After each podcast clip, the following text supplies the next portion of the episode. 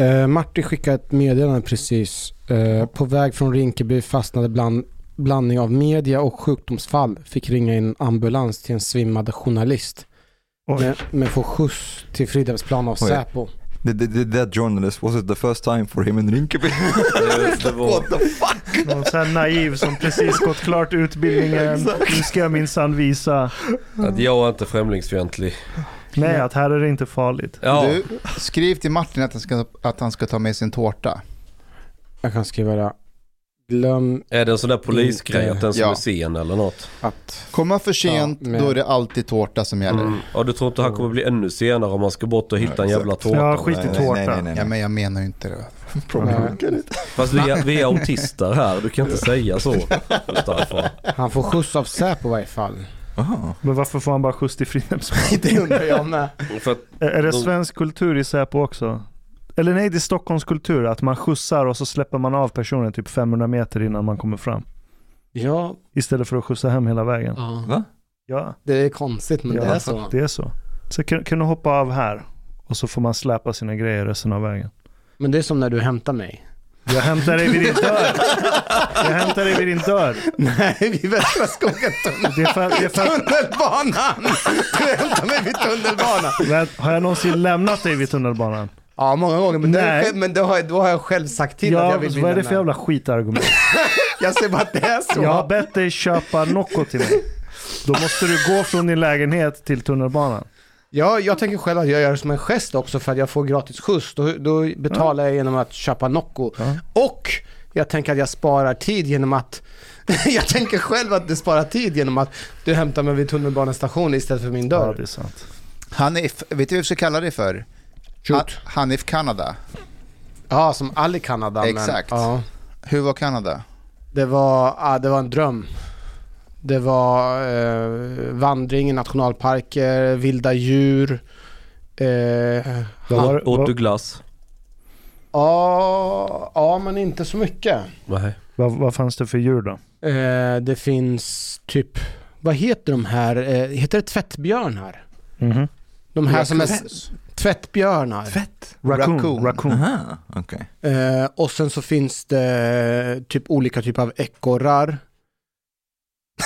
Skrattar du Det låter som en konversation med Lo. Ja, ja, exakt. Vi- Vilka djur fanns på Skansen? Ja men det är precis det jag pratar med mina barn med. Nej inte med Malou, hon är för gammal. Men Adam. Också åt du glass och du svarar på det. Ja, Ja, fast inte så mycket. inte så mycket som jag ville. Men de hade inte gela, äh, heter det så här gelatos liksom. det, det, det påminner om när Adam sa en gång att han ville ha en fisk med lång svans. Han hade Ål sett alltså. något i Norge. Va? Vad, är den din? Är du säker? För jag, jag satt innan och funderade, jag grävde i fickan bara. Nej, är den... Om jag hade haft barn så skulle jag sagt samma sak. Ni är precis som mina barn, ni tar andras grejer. Nej men jag, för att jag, hade, jag körde Göteborg i en vecka. Så antagligen är det bara jag i, för, för sen höll jag en annan dosa och vänta lite någonting. Nej, det är garanterat min. Det är garanterat Ja det är, det är säkert din men för, jag har sån här vana att ligger det snus framför mig på bordet Då är det alltid min för jag är på skrivbordet som ligger alltid framför mig nere vid datorn Men då var det Ashkans snus när jag rullade upp bredvid honom och sen har jag inte tänkt Ja, Vet, det är vet, du vad jag vet du vad jag älskar med Sverige? Mm. Att i Sverige så behandlar vi alla på exakt samma villkor. Man skiljer inte på person från person utan man behandlar alla precis lika. Till exempel som att Magdalena Andersson sa att hon vill inte ha något Somalitown. Det hade vilken partiledare som helst kunnat säga. Mm. Utan problem. Framförallt Jimmy. Ja, eller, eller någon kvinnlig partiledare till höger skulle också kunna Mm. säga det. Ingen hade blivit arg på Ja, henne. Men vad var, absolut. om man, nu kan vi inte göra det hela rätt, vad är kontexten? För jag har bara sett den citatet, är det någon som kan säga kontexten? Det är ju, hon blev, in, hon blev ju intervjuad om Ygemans, äh, du vet Ygeman vill ju inte ha Segregation. ja, för många med en viss etnisk bakgrund i ett område. Det ska Ja. vara majoriteten med svenskar. Och då backar hon honom och så säger hon typ vi ska inte ha Somaliland eller Somalitown. Somaliland. Eller, Somaliland existerar. eller eh, Chinatown eller något annat. Mhm. Aha, sa hon det? Jag tror att hon säger det i Vad samma- menar hon med det? Att vi inte ska ha Rinkeby och Tensta kvar? Ja, men eller? att man ska ha områden där vi ska leva med de erfarenheter vi har från Sverige, Mhm. inte från utlandet. Och Då de flesta är med, ja, eller åtminstone 50% med svensk bakgrund då. Du Mm. behöver späda ut lite. Har någon av er varit i Chinatown eller Little Italy och de här ställena? Ja, det är skitnice. Ja. Jag älskar det. Ja, det är jättetrevligt. Alltså i... i Alltså på Manhattan. ja, du har fast ju Chinatown och sen Jo, har du exakt. Mott Street och sen kommer Little Italy. Ja. De är, Jag har aldrig varit i USA, men i England, i London finns det ju Indiatown, Chinatown. Mhm. De är inte lika stora som de i USA. Men... Nej, det är Chinatown inte alls stort på Manhattan. Inte? Nej, den i Boston är större tror jag. Ja. Och då blir det skit. För Newcastle, ja just det, Newcastle har också en Chinatown. Där det är så här murar, en så här skylt. Och så Nej, är jag- allting på kinesiska inuti. Ja, men jag, i London så har de ju Ja. så här. Alltså det är verkligen, i- om det India-stället, det är bara indier. Allt är bara indiskt. Men blir det inte lite så här när vi går dit och så ser vi det och bara titta vad trevligt, här är alla kineserna. De säljer, vad vet jag, nudlar och friterad anka. Och, Tofu. och, Apelsin. apelsin och allt sånt som de äter. Och så går vi dit och tittar, men förhållandena där är inte så nice tror jag. No. Eh, Eller, De, menar du? ja, de, Eller som i de bor skitmånga i små lägenheter. De har, många av dem som jobbar där har typ inga papper. Alltså, De jobbar för skitlöner. Men är det inte som Rosengård? Och Chinatown på Manhattan är en av de dyraste. Det är precis ovanför Wall Street. Jo, det, men de som jobbar där, rika. De som jobbar där har väl inte de bästa villkoren? Det är inte så att de är rika. De som bor i de här slumbyggnaderna där. Alltså där är, alltså, vi, så länge du håller dig söder om Central Park på Manhattan så finns det ju inte någon slum att prata om. Det är ju möjligen norr upp mot Bronx. Sen Ja, har- Okej, just New York eh, kanske. San Francisco är lite mer... ja, Okej. Ja. And probably the unemployment rate there is Å andra, å andra sidan kan man tycka att större delen av New York är sunkigt men av andra skäl.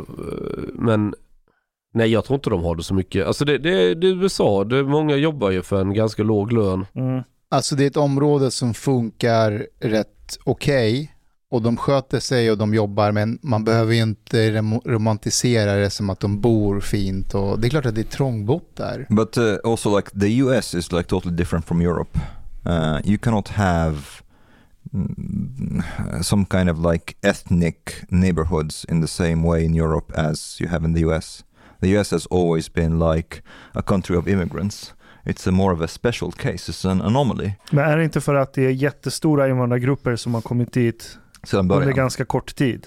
I korta Mm. ruscher. Eh, Delvis det, but also generally speaking they don't have the same kind of history when it comes to oh, nationalism in a way. There wasn't like this kind of like national identity that's like just built around ethnicity. Mm. In the US this has Det never happened. utifrån Constitution. Constitution, The yes. American dream. The American dream. This is one thing. Another thing, social welfare state. Yes. This is not something that has been the US at Och all. och If you can make your life in the US, this was the dream. Och det Go gör- there and ja. make, make och it det gör true. ju att, att i USA är det okej att vara rik. Men det är också okej att vara fattig. Alltså man ser mellan, mellan fingrarna att du är fattig. Det gör man inte i Europa på samma sätt. And man we- vill dra upp de som är fattiga. Nej, jag skulle säga, när jag fick lära mig i skolan, i Sveriges skola, så hela ditt människovärde sitter ju i vad du har för kläder på kroppen. Så var det ju när man gick i grundskolan.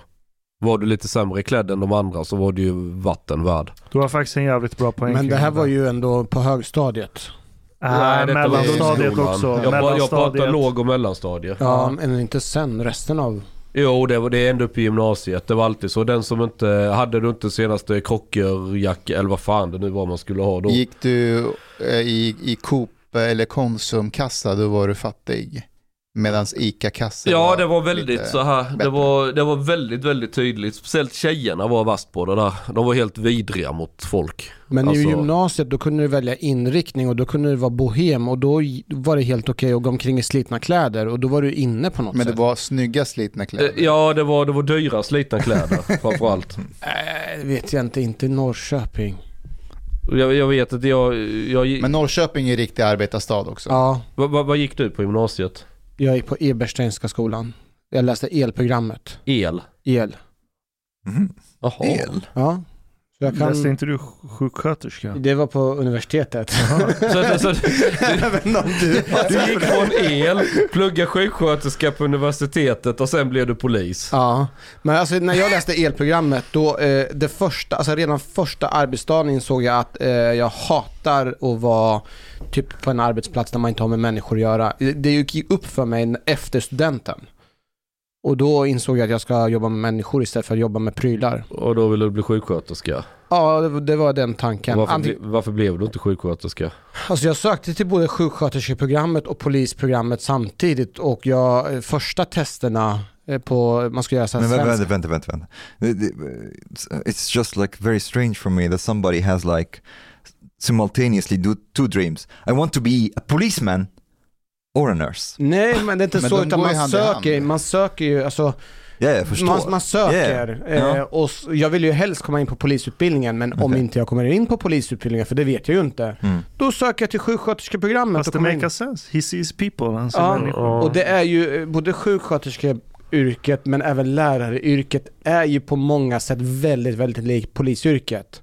Du har med människor att göra, det, det funkar generellt sett på samma sätt. Mm. Du har med unga personer att göra i, inom läraryrket och det, det Som är har gjort som- illa sig. De har gjort illa På sig. olika sätt. Ja. Så det är ju mycket likheter där. Om man får mycket glass. Och titta på djur.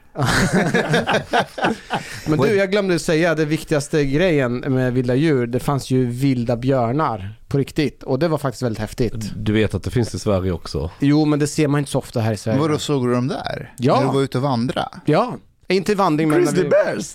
Inte grizzly utan bruna björnar. Va, vadå, ute på gatan? Nej, men på nationalparken så såg vi bru- bruna björnar. Men, Var de inspärrade på något sätt? Nej, de var vilda. No, no, no. Va? Well, quite often like... Hur, Uh, varför är du här?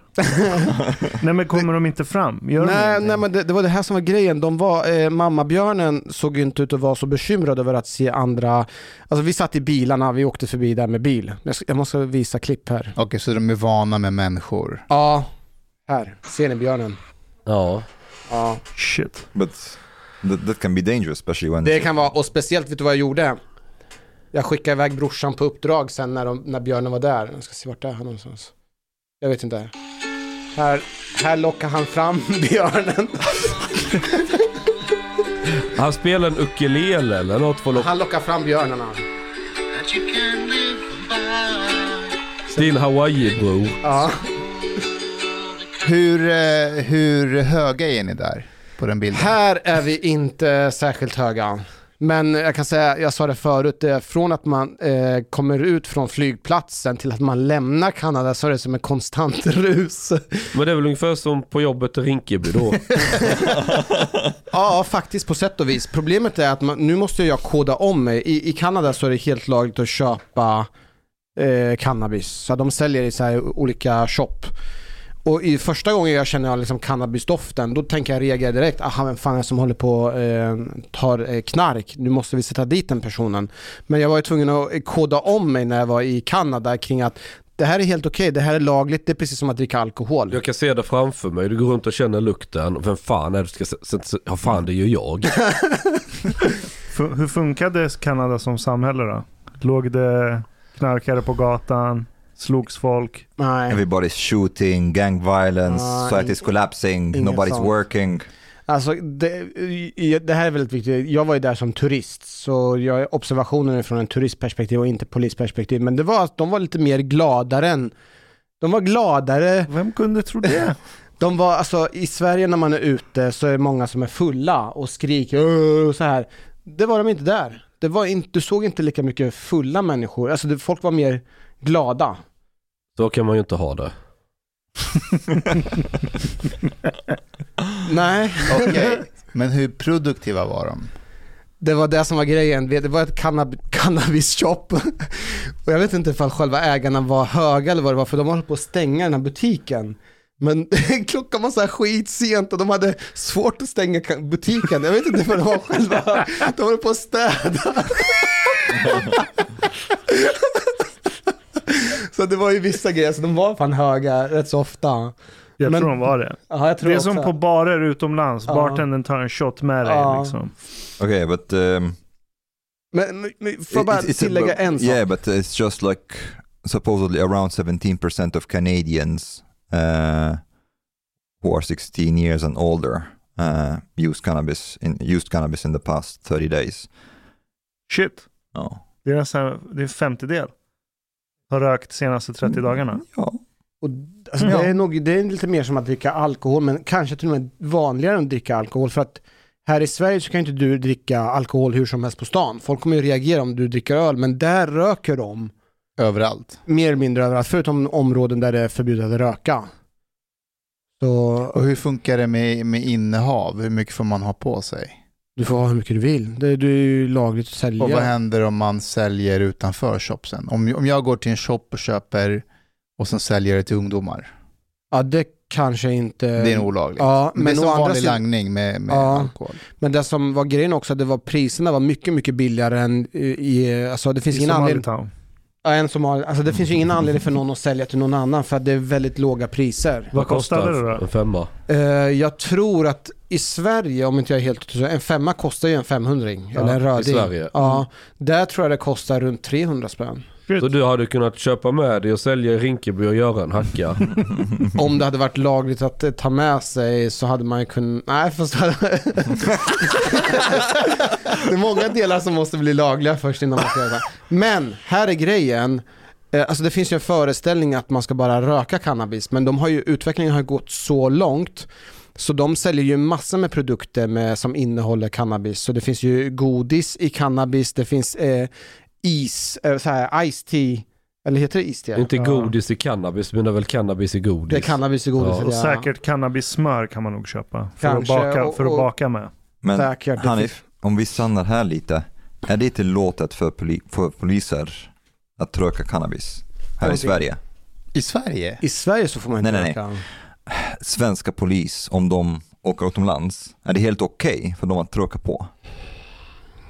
Ja, det skulle inte vara några konstigheter för att i, i Sverige så gäller ju svenska regler. Yeah, like Utomlands så gäller utländska regler. Fast du får inte ha cannabis i blodet i Sverige, Ja. korrekt?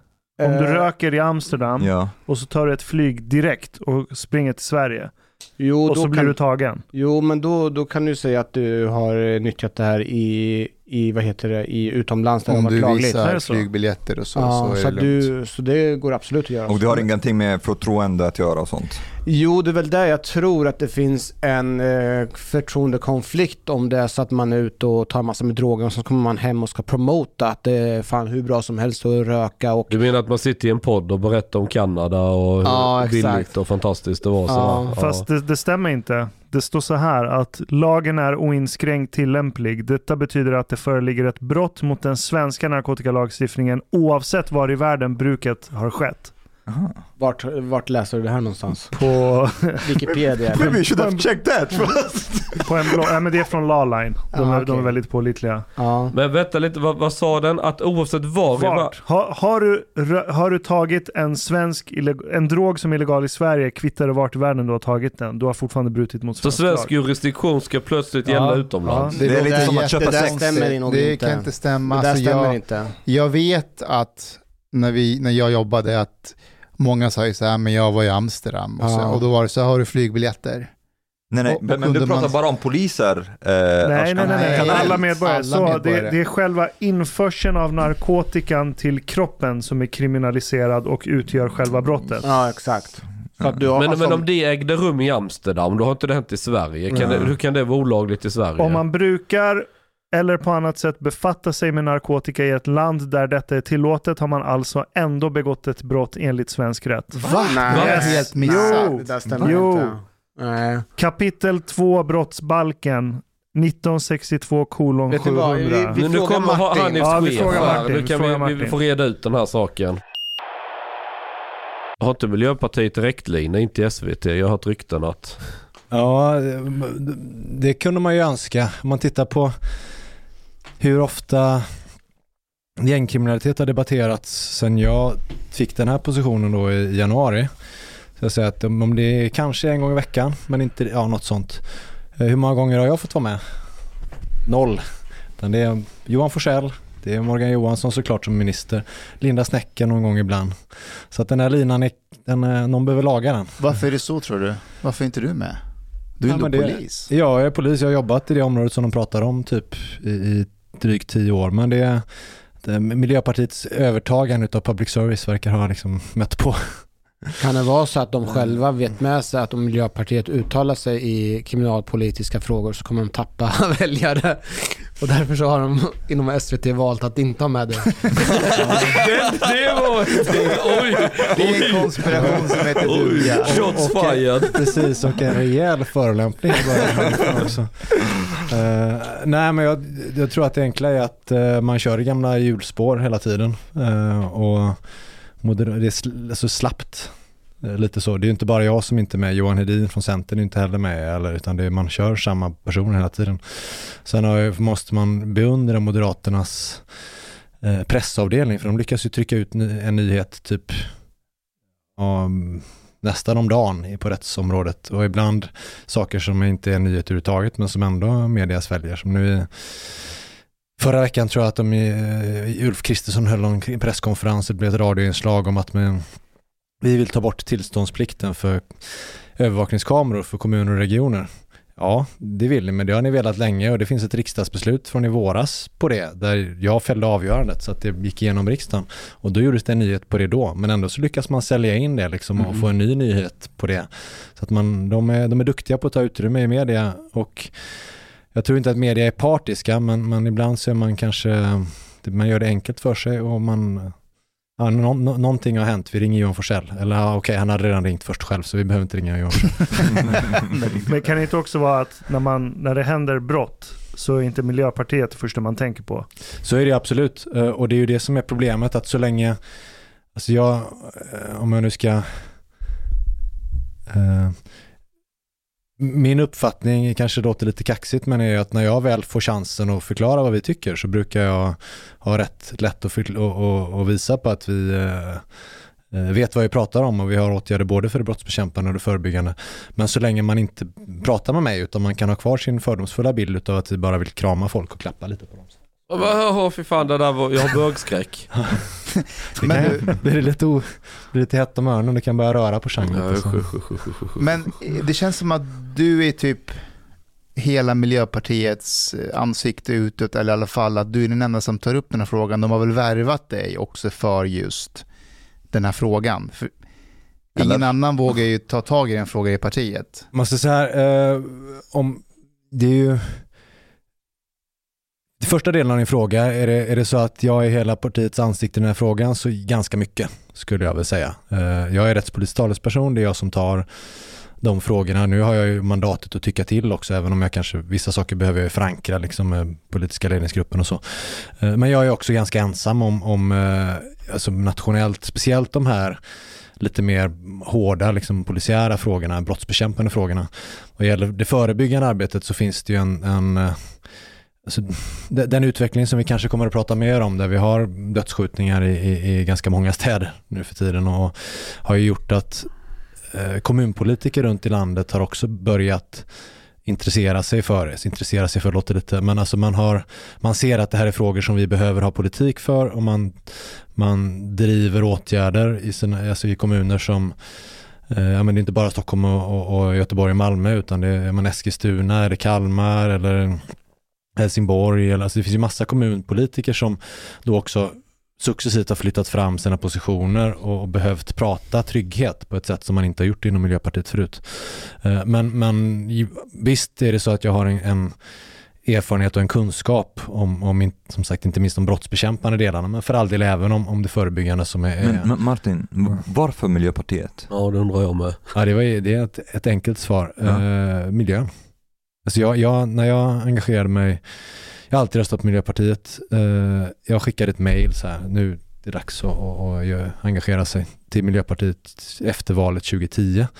Eh, och det var eh, det, det, helt och hållet för att eh, det är det enda partiet som har en, en, eh, en miljöpolitik eh, att tala om och jag tycker att det är den största öd... Alltså jag ägnar mig inte åt miljöpolitik överhuvudtaget, jag ägnar mig åt helt andra saker. Men jag tycker fortfarande att det här är den viktigaste frågan vi behöver konfrontera och hantera. Varför? Ja, men har vi, eh, dels, eh, nu är det mycket klimat för att klimat är så handfast. Eh, Klimatförändringarna ser vi allihopa här nu, inte minst torka, bränder, alltså de påverkar liksom även migrationsström, alltså det, det, det är global påverkan som börjar bli helt uppenbar och jag tror att ja, men även inom vetenskapen, man kan alltid hitta någon som säger, ja men det, så här har det alltid varit, man, så här 99,7 procent av alla så här, eh, artiklar som, alltså det är nordkoreanska siffror på hur mycket vetenskapsmän som sluter upp bakom problemet med klimatförändringarna, att det är människopåverkat. Så att det, där, det, det är ju en, en fråga som har, har blivit stor på sistone, men, men den frågan att vi håller på att förstör, inte bara vår livsmiljö, utan det här finns ju någon sorts solidaritetstänk också. Jag tänker att andra levande varelser liksom också har rätt till sitt liv. Eh, Jag, jag bara tänker på att för tio år sedan så var 99,7% av alla artiklar och grejer om hur invandringen skulle frälsa Sverige. Alla, det var ju 0,3% som var kritiska.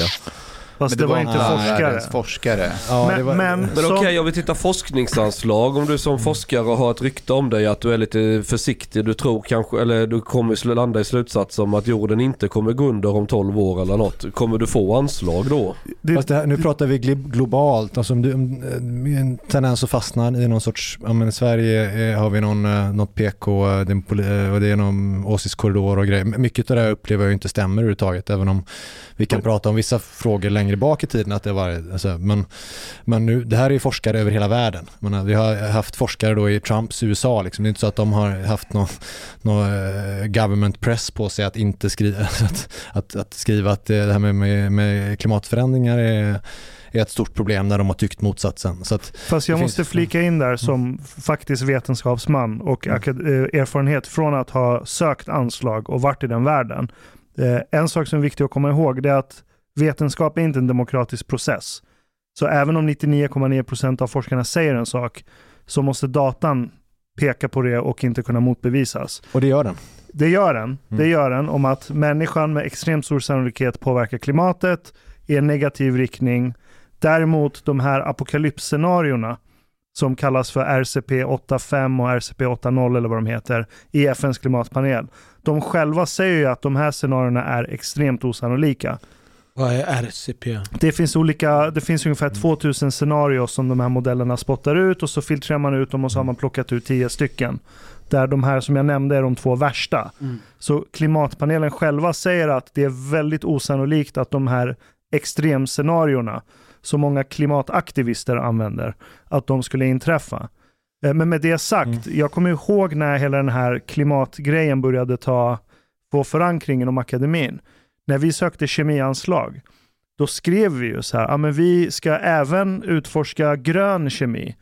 Och sen skrev jag att ja, men vi kommer göra tusen experiment. I ett av experimenten ska vi byta ut ett farligt lösningsmedel mot vatten. Och det kan leda till en revolution inom läkemedelsbranschen. Pang! Så får vi massa miljoner för det. Så du har en poäng Chang. Nu förnekar inte jag klimatförändringar, men min poäng är att du har rätt.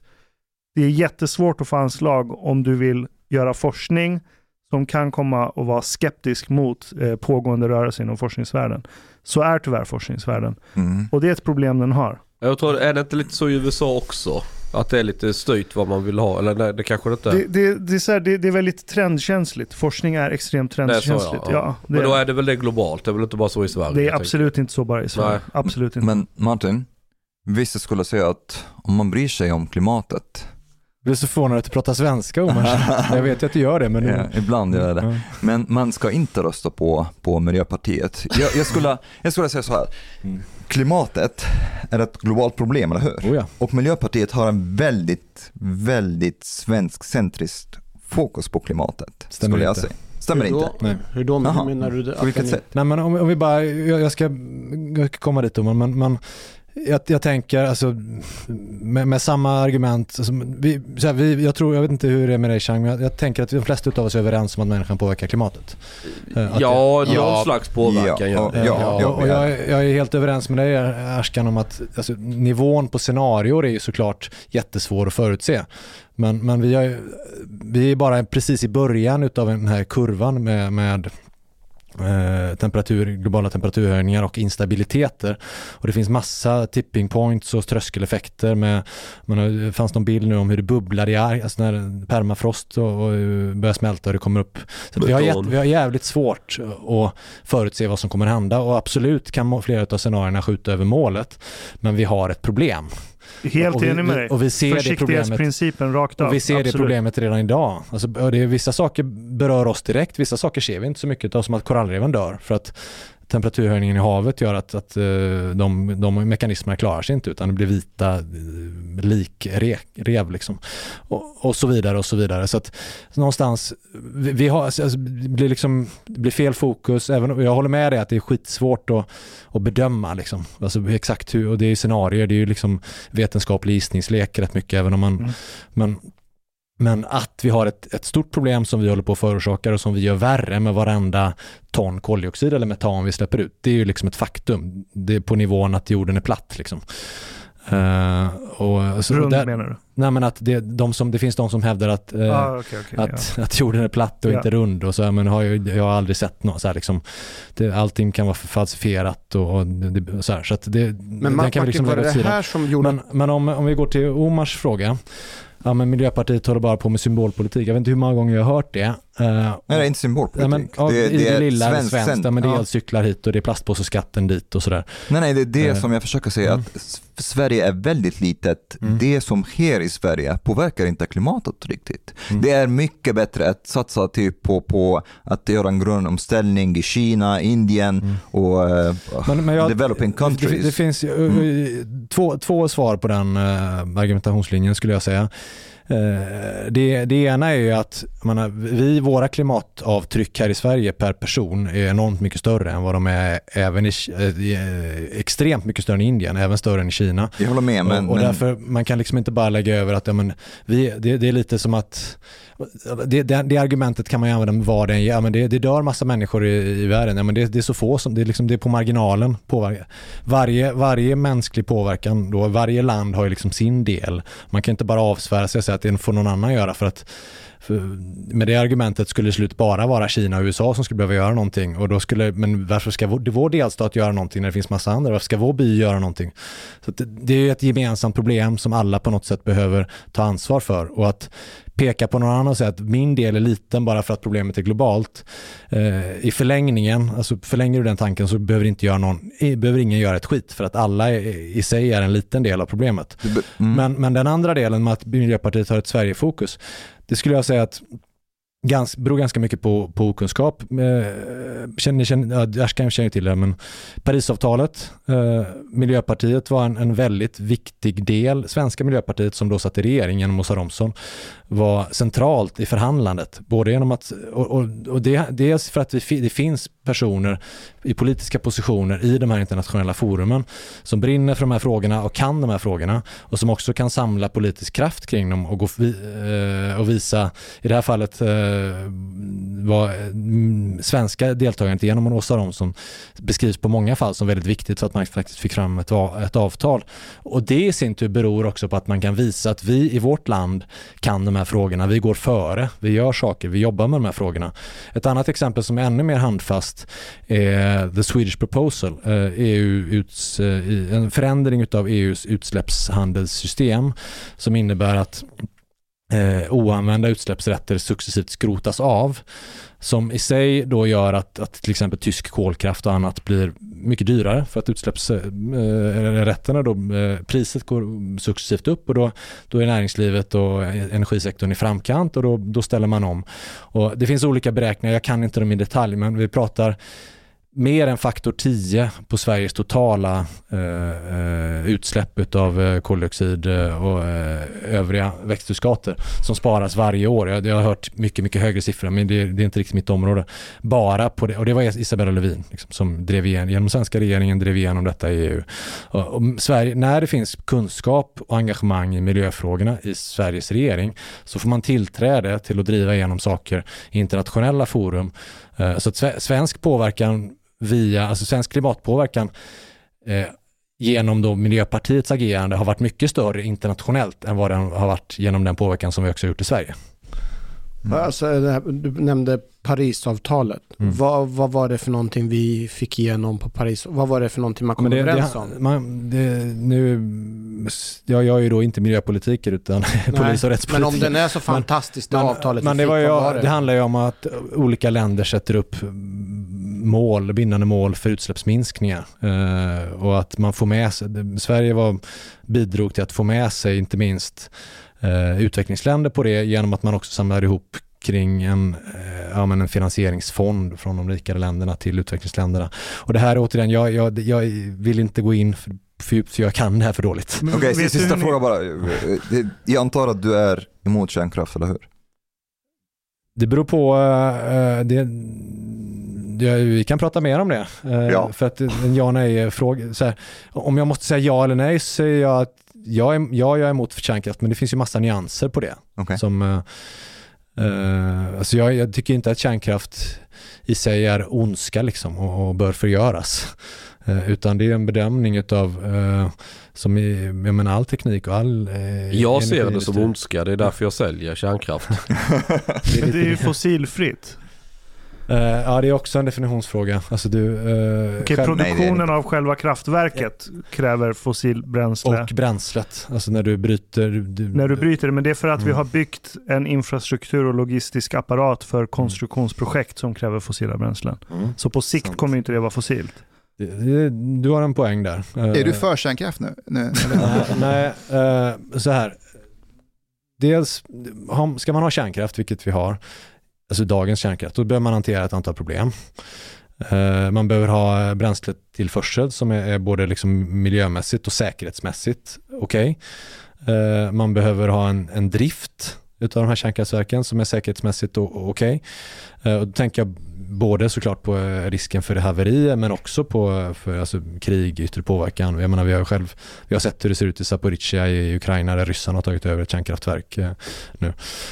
Och man behöver ha en hantering utav avfallet som, som man kan stå för. Liksom, i, i, och har man löst de här problemen, liksom, har man kärnkraftverk som, som inte producerar avfall som är Eh, eh, radioaktivt, miljö och livsfarligt i hundratusentals år.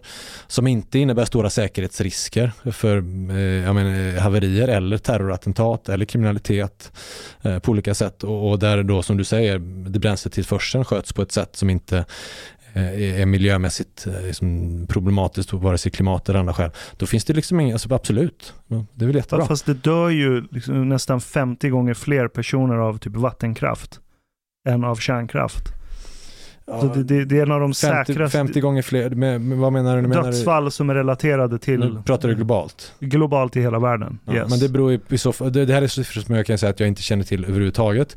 Men det, det beror väl antagligen ganska mycket på var, att man bygger vattenkraft i en del länder som har där överhuvudtaget arbetsmiljö och sånt är, är långt under isen. Men det dog massa människor i, när man byggde fotbollsarenor i, i, inför VM nu i Qatar. Det är ju inte för att fotboll är farligt utan det är för att man har man har sett och ser på arbetskraft och människor som är, är, är jävligt undermåligt. Kan inte skräcken för kärnkraft bero på samma sak? Det är inte kärnkraften utan saker runt omkring som är undermåligt. Ja men då får man ju kunna hantera de här problemen och som sagt har man teknik som inte producerar radioaktivt avfall som, som är, man inte kan ta ansvar för i hundratusentals år och som inte då, eh, där det här avfallet också då kan användas av terrorister och andra eh, och, och där det inte finns eh, risker för olyckor. Olycksrisken är ju såklart, den har ju successivt Rena haverier, den risken skulle jag ju säga utan att vara expert är relativt låg i utvecklingsländer, utvecklade länder just nu.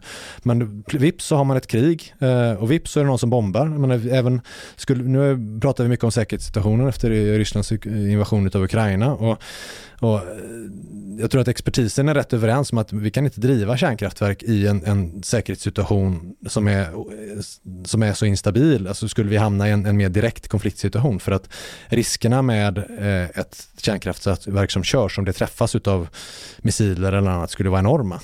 Eh, nu, har inte, eh, nu vet vi inte hur det kommer att gå riktigt heller i, i Europas största kärnkraftverk som då är ockuperat av ryssar. Eh, men det finns ju bara det att det har smälts bomber och granater runt omkring det kärnkraftverket är ju inte ett argument för kärnkraft. Liksom. Eh, jag, skulle, ja, jag tänker nästan tvärtom. Du kan smälla en del bomber runt ett kärnkraftverk utan att det är någon fara. Det är värre om det smäller runt en damm och, och den brister och sen så bara svämmar du över en massa byar längs med där vattnet åker. Kärnkraftverk tål rätt mycket. Fukushima är ju ett exempel på det att det, räckte inte bara med jordbävning utan det behövdes en jävla fucking tsunami med. Och då slog man ut en av fyra eh, kärnkraftverk.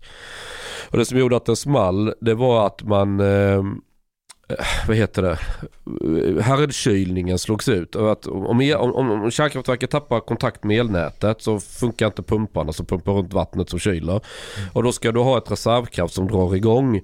Och den hade väl slagits ut av den här tsunamin då. Det hade man inte tänkt på när man byggde det. Att vatten kommer skölja över de här dieselmotorerna och generatorerna. Men i Sverige så snackar vi om bland annat oberoende härdkylning och andra tekniker som gör att oavsett om vi skulle drabbas av en jättejordbävning och en fucking tsunami, vilket alltid händer i Sverige, det vet vi ju. Speciellt i augusti. Så kommer det att funka ändå och, och kunna kyla sig. Så att det är väldigt eh, hur ska man säga, att, att ett kärnkraftverk ska haverera rent tekniskt. Du måste bete dig. Likadant den här filmen, eh, vad heter den? Eh, Tjernobyl. Mm. Ja. Om man tittar där, vad var det som, Tjernobyl är en konstruktion som, som i sig är lite labil. Den är inte helt alltså, stabil. Det är för att du kan tillverka vapenplutonium eh, under resans gång. Det var därför man byggde dem där. Men att den small, det var ju att man kringgick ett antal säkerhetssystem för att göra ett experiment och ingen vågade säga till uppåt att det här är nog dog dumt. av korruption. Ja, ja, ja, ja, det var typ korruption eller vad man ska säga. Så att eh, Sen en annan argument man har med kärnkraft är att du har kärn, att, att det är radioaktivt i några hundratusen år. Ja men det du grävde upp i backen var ju radioaktivt och det har legat där i ett antal hundratusen år. Alltså, Okej. Mr Burns, alltså- åtta poäng. Lisa Simpson, varsågod. Nej men det är alltså ra- radioaktiviteten på, f- om man börjar med radioaktiviteten på utbränt alltså kärnbränsle jämfört med radioaktiviteten på, på alltså, Eh, plutonium och uran som ligger i, i berggrunden. Det är en enorm skillnad på farlighet. Alltså det, den processen när du skickar, alltså i, i, eh, när man utvinner energi ur de här stavarna ökar ju radioaktiviteten på de här ämnena något, de, de, något enormt. Det går inte att jämföra utbränt kärnbränsle med de materialen i sin naturliga liksom, eh, berggrundstillstånd. Uh, sen vad gäller uh, risken för eh, jordbävningar och tsunamin så är vi nog rätt överens om att den är relativt låg här i Sverige. Däremot så finns det ju andra säkerhetsrisker. Jag tänker som sagt mer på det som händer i Ukraina än det som händer i, händer i Japan. Alltså att det finns, vi kan ha terrordåd, vi kan ha, eh, vi kan i värsta fall, jag tror inte att vi kommer dit såklart, men vi, vi, i värsta fall kan vi hamna i krig. Jihadi attack. Ja, det, det, är, inte, det är inte heller ett omöjligt scenario. Och, och där, den, den sortens säkerhetsrisker, jag håller med om att en, även en vindkraftsdamm behöver man ju ha koll på. Alltså, Vattenkraft. Eh, Ursäkta mig. Ja. Även en vattenkraftsdamm eller en vindkraftsnurra. En vattenkraftsdamm behöver man ha koll på. Vindkraftsnurror är ju inte, i värsta fall, även om de, de ramlar och man råkar stå precis under den när den faller. Martin, Men eh, eh, det är inte, det, så här, det, finns, det finns massa frågetecken kring kärnkraften som, som inte är utlösta och det, det innebär ju inte i sig att, att kärnkraft då aldrig kommer att vara en del av ett energisystem eller att det som sagt att det är någon sorts ondska men, men just nu där vi står idag så finns det alternativ som är betydligt bättre. Men visst har du en bakgrund inom, du är ingenjör va? Mhm. Stämmer. Det är där intresset kommer för, alltså du är så kunnig inom området. Alltså jag, jag tycker inte att jag är kunnig. Jag har ju typ glömt 95% av vad jag lärde mig på Chalmers. Vilken inriktning gick du? Teknisk fysik. Ah, tungt. Och du jobbade för Ericsson. Stämmer. Mhm. Spaningsradarplan. Hur Oh. länge? Jag började på Ericsson år eh, 2000 och slutade 2006. Började på polisskolan 2007. Varför då? Eh, ja, det var den här känslan utav att eh, jag var på fel spelplan. Liksom. Jag, alltså jag har ju haft lätt för matte och fysik på skolan, pappa är ingenjör och, och liksom jag hade väl också någon sån här, oh, men jag ska rädda världen med teknik liksom, grej. Liksom, jag ska jobba med miljöteknik och jag ska göra ditten och datten. Sen hamnade jag in på Ericsson. Jag fick inga, jag sökte massa miljötekniksjobb då kring millennieskiftet. Fick inga som nyutexad. Eh, och sen så fick jag jobb på pappas Ericsson. Det var säkert han som hade pratat med någon om att ja, den här grabben kan ni anställa. Man eh, kom in där och började jobba med spaningsrörplan. Eh, men efter ett par år så kände jag väl dels att det känns inte, det var, ett, det var intressant på många sätt. Sista åren jobbade jag i Grekland som testledare för ett exportprojekt till grekiska flygvapnet. Men det Förlåt, kändes... Spa, spaningsradarplan, jag vet inte vad det är. Ja, men det är pl- plan som, Spanar. som spanar. Alltså du har en, i det här fallet, all, alla plan har ju radar. Men Ja, ett, det. ett attackplan har till exempel en radar som där du, det kan vara målstyrande, de ser mål framför sig. Men, men du vill också ha en omvärldsbild. Liksom. Det är som i polisarbetet, men det gäller att ha en bra lägesbild. Mm, mm, Eh, och då, finns, då är det radarsystem som liksom skannar av luften för att eh, se men vad, vad rör sig här. Eh, finns Ja, är några det sådana flygplan som har en typ som en hatt på sig? Eh, som exakt. snurrar? Det är AWACS, den Ah, största. Det är, för de, de, eh, radar har ju också, alltså radar ser ju rakt fram. Så radar kan liksom inte, eh, de flesta radarsystem kan liksom inte eh, kröka sig runt jordskrö. Så att har du en markradar så ser, blir ditt perspektiv ganska begränsat. Så för att du ska se bättre så vill du ha upp radarn i luften, till exempel genom att sätta den på ryggen på ett flygplan. Eh, Och det var sådana plan som jag jobbade med. Det var ju PS890 hette det svenska systemet från början. Uh, Area hette spaningsraden när det var Ericsson, sen köpte Saab upp det. Och, och då blev det Global Eye tror jag. Den Men det är en, fyrkanten som sitter på... exakt, det är en korv, typ en, en fyrkantig korv så här, som, som sitter som en ryggsäck på planet. Mm. Man har haft det på Saab-plan och man har haft det på uh, en brasilianska plan. I Grekland så var det brasilianska Embraer jetplan. De har jag jobbat med. Vad sa Mm. pappa när du lämnade Ericsson? bytte. Så han, de har liksom, eh, han sa inte åh nej vad gör du, ska du... Eh, Vet du varför han sa, han, han inte sa så? Han var inte iranier. ja då hade han kanske sagt det. Jag hade fått en utskällning. Eh, ja, nej det hade jag de nog. det då? Du? Hur tog han, han det? Nej men det, det, det, var, det var liksom ingen, eh, jag minns inte att det var så mycket, så här, det var också en, blir lite mer personligt men det var också, det var en, eh, en period i livet där jag var lite uppbrott, jag bröt upp från ett längre förhållande och så här, jag kände att jag behövde skifta riktning lite. Det var, jag hade aldrig någon så här, gör du verkligen rätt? Alltså, jag menar, hade jag velat, jag kan ju alltid kanske till och med idag efter alla de här decennierna inom polisen så tror jag nog att jag skulle kunna gå tillbaka till det jobbet om jag vill. Så det är liksom inte någon stängd dörr. Så eftersom jag inte jobbade så tekniskt. Det skulle jag inte kunna göra. Det var inte ens, gjorde jag inte så mycket då heller. Men, men eh, industrin finns där om man skulle vilja ägna sig åt det. Civilsamhället finns där. Men så att det var nog aldrig någon, någon känsla utav att få, åh, nu kastar du bort ditt liv. Om jag, förstår, om jag förstår det rätt, skiter det sig i Miljöpartiet så kan du alltid falla tillbaka på På vapenindustrin. vapenindustrin, ja precis. Ja, massa, massa öppna dörrar där. Uh, ja, men jag har ju precis, jag har ju faktiskt jobbat i vapenindustrin. Det är kanske inte jättemånga miljöpartister som har det. Nej. och jag, Men- fick, eh, jag fick också, när jag jobbade för Ericsson så var det faktiskt så att, vilket var ändå ett positivt för en arbetsplats, att jag fick säga, jag sa nej till vissa projekt som jag inte tyckte kändes helt bra. Och, Vad var det för projekt? Ja men dels handlar det om vissa länder som man inte gärna vill jobb, sälja vapen till och dels Och vilka länder är det? jag minns inte. Så här, vi, vi just nu säljer vi, just nu jobbar vi med, med eh, vi har, Ericsson har jobbat med Förenade Arabemiraten, en del Saudi. Det är inte länder som jag är så jättepigg på att vi säljer. Är du islamofob?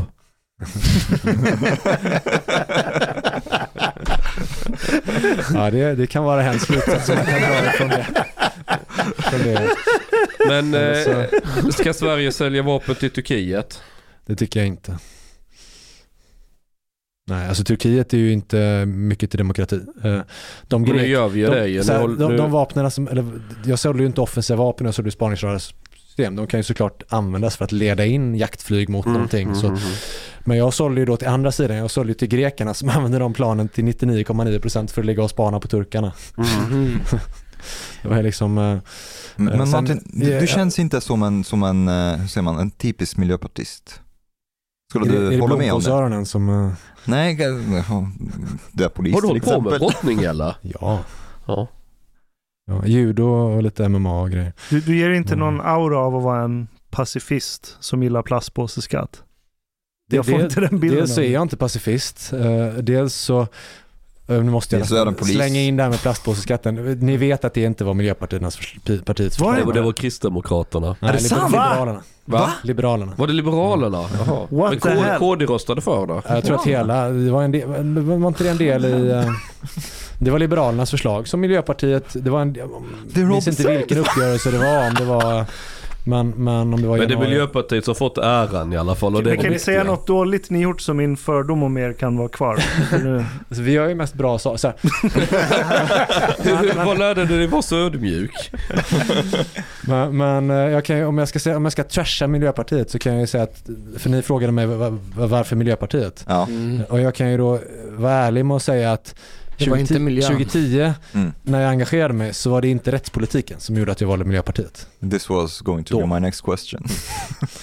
För då var den väl, jag kan, den, den var inte så fullödig. Jag, jag tror många stockholmares bild av Miljöpartiet är resultatet av Daniel Heldens aktiviteter i stan. Han är ju en en av miljöpartisterna som står längst till höger ska jag säga po- politiskt. Så, så Ja, är- men jag tror det är mest att han, det har varit mycket så här, göra Stockholm bilfritt och Mm. röja bort bilvägar och stoppa in cykelvägar. Vilket många tror slår fel. Ja, och, jag, och många nog tror slår rätt också. Eh, Så visst, det är klart att det blir, alltså, går Kvinnliga man in i folks vardag, Ja, just det. Eh, Kvinnliga cykelbanor och... för feministisk Ja. stadsplanering. Ja, exakt. Ja, men det har även Svenska Bostäder i, i Husby ägnat sig åt. Feministisk Har stadsplanering. Ja, absolut. Har du varit gör- Hur ser det uppskattat i ut? Husby? Hur, vad betyder det? Vad är, vad är feministisk stadsplanering i Ja, Husby? men det, då var det frågan om att... Det var för mycket män som dominerade torget. Hanif kan ju de här frågorna. Det, det, ni, och ni, du, Omar, du har ju hållit på med heders... eh, alltså, det fanns, männen dominerade torget, männen hade sina kaféer så att de hade uppsikt över hela torget eh, och satt där och hängde hela dagarna. Kvinnorna kunde upplevde att de blev kontrollerade eh, och att de, för det försvårade deras tillgång till det offentliga rummet. Så man, när man byggde om eh, centrum så flyttade man på lite butiker och sånt för att dels öppna upp torget för fler, ja men både män och kvinnor, men också då flytta bort lite strategiska spaningspositioner där man upplevde att man blev kontrollerad ifrån eh, som kvinna. Eh, så att man, man kände att det blev lättare att röra sig utan att man hela tiden hade ögon i nacken. Liksom.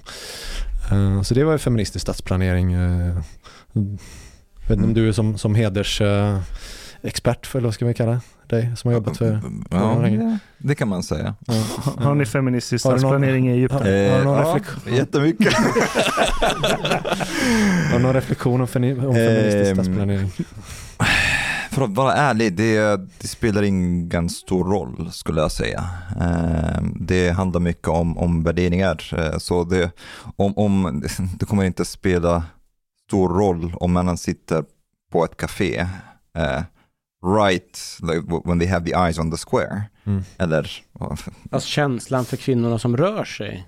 Kan inte det vara... ändå- Fast vet du, nu, nu är inte jag en patriarkal religiös person, men om jag hade varit det, då hade jag köpt en iPhone till min fru och så hade jag gjort ett family-konto och då kan man se varandra på kartan på Apple Maps hela tiden. Så du behöver inget café, du kunde Fast- se vart alla dina fruar är Fast kan samtidigt. du se hur de är klädda? Om de flörtar med... Det kan grann- du inte, men då Nej. kan du göra som Australiens regering. Du ber dem ta en selfie var 15 minut och skicka tillbaka till mannen. but un, unless they are hiding you will see it anyways. Unless det var då? Unless they are hiding you will see it. Så det spelar ingen roll egentligen. Ja, det blir in på detaljer. Nu försöker Ashkan att du skulle kunna ha en framtid som konsult åt heders... Hederskonsult. Faktiskt. konsult åt Arikanfamiljen. Heders Tappar- IT-tjänster.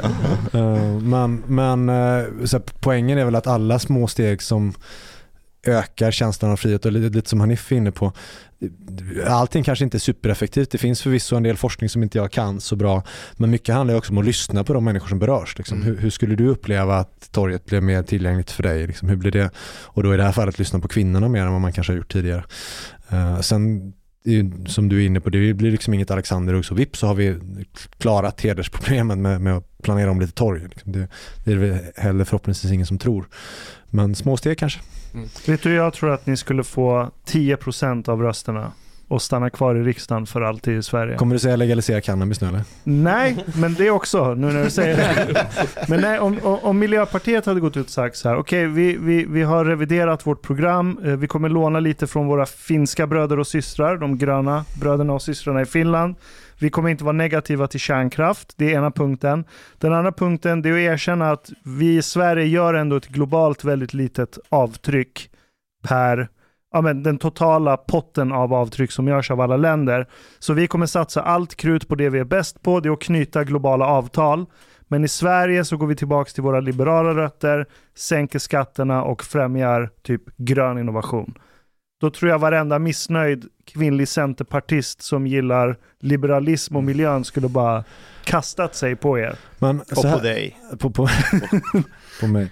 Eh, Så här, eh, främja grön inno- innovation. Till och med vår statsminister Magdalena Andersson i riksdagens talarstol som annars inte alltid har varit superöversvällande med berömmet mm, sa att industri, alltså den industriella revolution som vi inte ser minst, eh, inte minst i norra Sverige, eh, det beror på satsningar i Industriklivet och andra, alltså strukturella satsningar på grön energi, på eh, grön innovation som Miljöpartiet helt och hållet ligger bakom.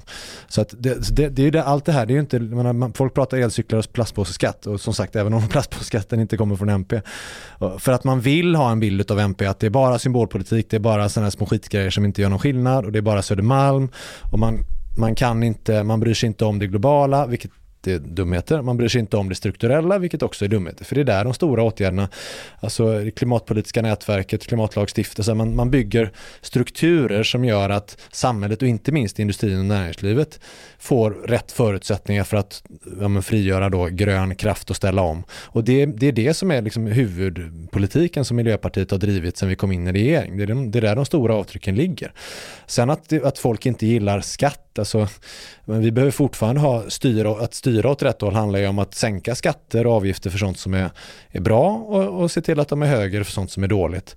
För att, visst, vill man köpa väljare så kan man ju bara säga vi sänker alla skatter och sen kommer vi skicka ut massa pengar till medborgarna ändå. Men det blir inte så hållbart, man, då, då blir det tomt i kassan efter ett tag. Uh. To go back to, uh, to hedersvåld och förtryck och feministisk stadsplanering.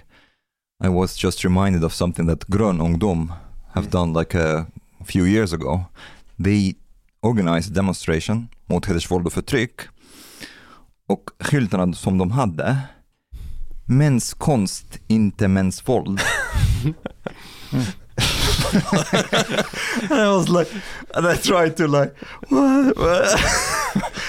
ja, och sen när jag kritiserade dem på, på Twitter, jag fick eh, en viss kritik, eh, vissa som sa att jag, uh, I'm making fun of women.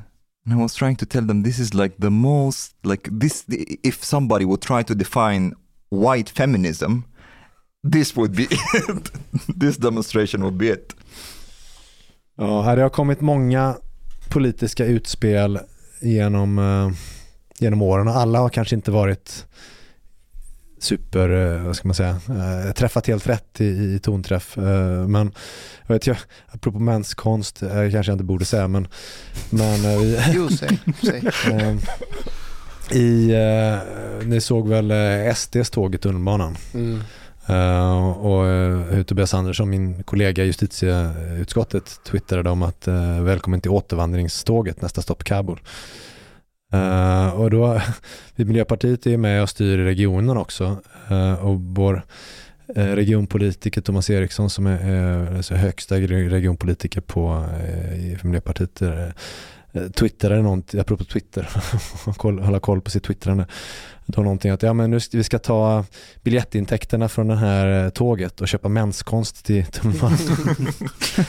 väl förvisso kanske inte seriöst eh, menat men kanske inte heller det bästa, bäst liksom. Men det är väl på samma nivå som Tobias Anderssons tweet i seriositetsnivå. Ja, så här, eh, så seriositet, men problem så här, jag skulle säga att det är två, två diametralt skilda, för seriositetsnivån är en sak, men, men budskapet bakom att, att, skoja, att skoja om mänskonst eller att, att skoja om, vilket ju då inte kanske är så mycket skojande eftersom det här är SDs politik, om att man vill skicka tillbaka eh, alla afghaner i landet på första bästa tåg till Kabul. Liksom. Eh, Det går inga tåg till Kabul. Nej, det går inga tåg till Kabul, men, men budskapet kom ju Ja. fram ändå. Eh, Och jag skulle säga att alltså, det, det nu vet inte jag vad det var, Mustafa, tog du Mustafa åt dig brukar inte ta åt sig så mycket av saker så han kanske liksom, men, men jag upplever nog att det, Ja, det var det något positivt eller negativt? Om det hade Bara- funnits bara ett tåg till konstaterande. det hade varit en framgång ur energi och klimatmässigt. ja, Egentligen. Klimatneutral återvandring. klimatneutral, ja. Ja, det hade varit Vi ska inte flyga tillbaka i Afghanistan. Eh, Nej men, men eh, på, på en mer seriös, alltså, för det, det här är ju en balansgång här. Man, man pratar, man ska, ni är ju rätt roliga grabbar. Det ju, men, men det här är också ganska seriösa frågor och, och den, det är många människor med, då kanske speciellt då med, med Afghansk bakgrund. afghansk bakgrund eller invandrarbakgrund som, som lever med mycket rädsla, som, som är rädda för, för att bli eh, tillbaka skickade. Vissa, eh, och där det här, den här sortens retorik väcker både ilska och sorg och, och smärta.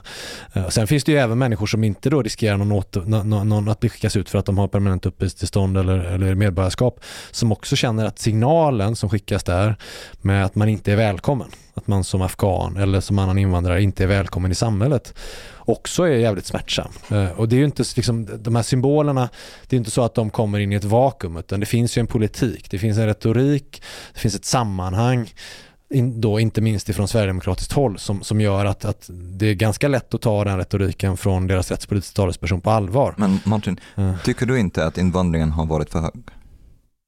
Det var en väldigt konkret fråga. Ja. Alltså det, och, och, och nästan omöjlig att svara på skulle jag säga. Uh, nu, återigen, migrationspolitik är inte heller mitt, mitt, eh, mitt område.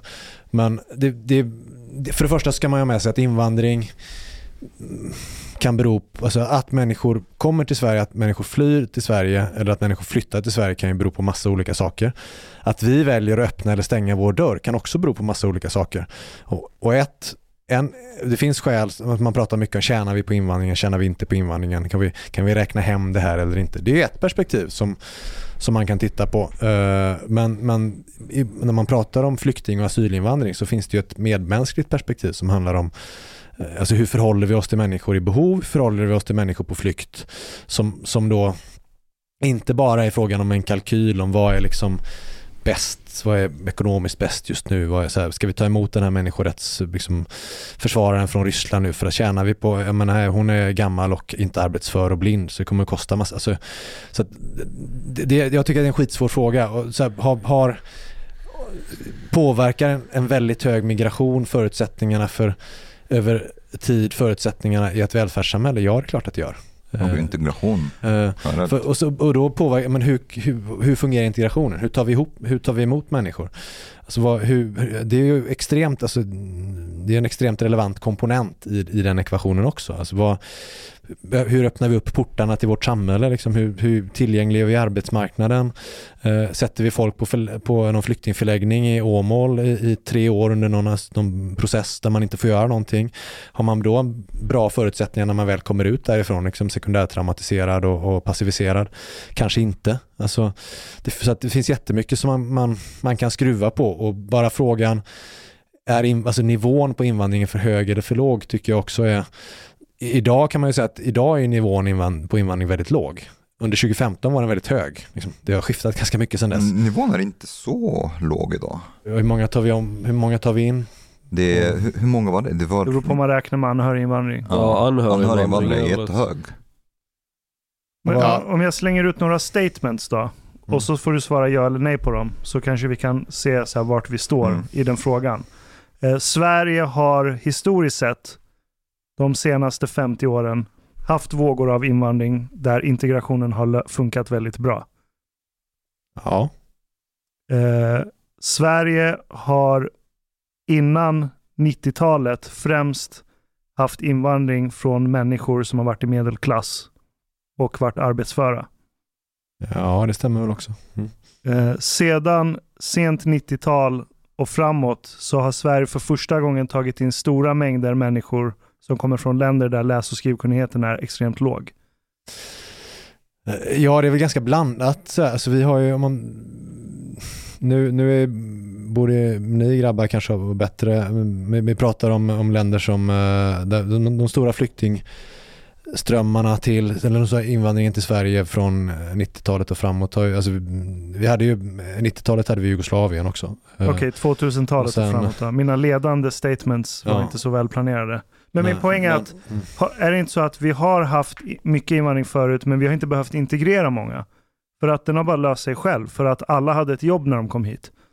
Så och, och jag tror också att just att komma in i ett jobb när man kommer tidigt är extremt viktigt för integrationen. Jämfört med att hamna i utanförskapet då man, om man koncentrerar utanförskap till vissa stadsdelar, att ma- massa människor som inte har kommit in på arbetsmarknaden, som kanske haft eh, av olika anledningar eh, och som då bor på samma ställe och som har sämre förankring i det svenska samhället. Alltså, mm, kanske, många kanske inte pratar språket, man kan inte systemen, man vet inte hur det är att vara förälder i det nya landet. Jag menar, det är någonting som i alla fall jag och Hanif har träffat på väldigt mycket utav.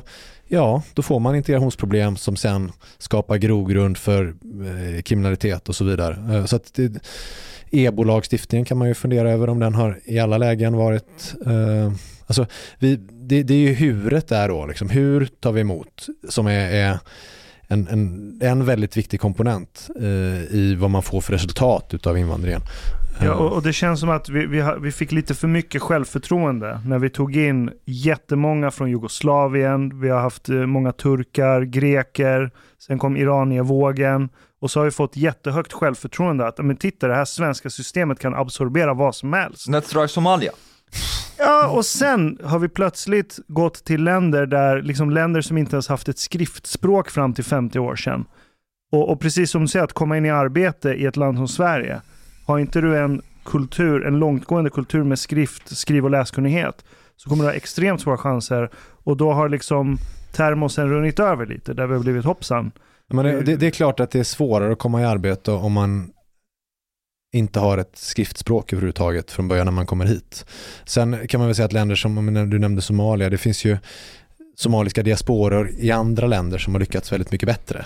Onekligen. Eh, eh, I England, i Kanada. i Kanada och så vidare.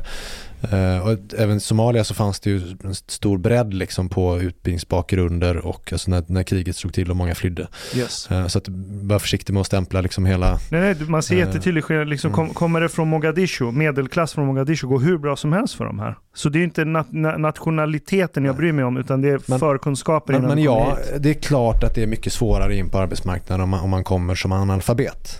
Och då behövs det mycket mer, alltså ska man då lyckas med integrationen och få in människor i arbete och i självförsörjning så behöver man mer omfattande åtgärder. Eh, så är det definitivt. Och, får man, eh, och det, det är också Integrationen gynnas ju också av möten så att det är klart att om, om massa människor som kommer eh, samlas på samma, i samma områden och inte möter så många människor som oavsett om man då är, är ja, men Banan som jag eller om man är, är eh, börs, eh, en Sverige. som jag. eh, iranierbanan som, men, Men, men då som, volymen som kan systemet och som i alla fall som kan språket. Som kan, så man behöver liksom vä- kontaktytor för att eh, och vägar in. Eh, förutom det rent offent- den offentliga integrationspolitiken så, så behöver man också bryta en segregation där människor som kommer in utifrån då bor väldigt samlat i vissa sta- stadsdelar. För sprider man ut dem då får du massa mer kontaktytor där du snabbare kommer att lära dig språk. Du kommer antagligen lättare komma in i jobb också. Eh, och barnen kommer definitivt få bättre förutsättningar. Eh, Om vi spinner vidare på det här med eh, symbol och, och hur det uppfattas. Idag så sa ju Magdalena Andersson att hon inte vill se ett Somalitown. Mm. Eh, hur tror du att det uppfattas av somalier? Det i, nu blir jag, man ska vara försiktig med att göra sig för, för, för förespråkare här. Då, Nej, ing- ingen men jag- tror jag- att du är förespråkare för somalier, så du kan vara lugn på den punkten Martin. men, men jag tror att det finns många som uppfattar att det är stigmatiserande och att man känner sig utpekad som ett problem. Sen tror jag att det kanske också finns andra som, uppfa- som inte uppfattar det så. Mm. Men- Men jag, Kan det inte vara så att det är utåt sett så känner man sig kränkt men in, in, in, inåt så bara klart vi inte vill ha det. Och det var det jag tänkte spinna vidare på, på skillnaden mellan SD-tåget med Tobias Andersson och Magdalena Andersson. Jag, och ni kan säga att jag kanske överdriver, men jag tvekar inte på att om Tobias Andersson hade makten och han fick Ska, ska, ska Mustafa Panshiri och hans familj vara kvar i Sverige så hade han inte tvekat på att skicka oss tillbaka. Det tvekar jag inte på. Tror du verkligen det? Ja, jag tvekar inte Jag på tror det. inte det. Nej. Nej, jag tror inte alls Ja, vad, by- vad baserar du ditt, ditt antagande på?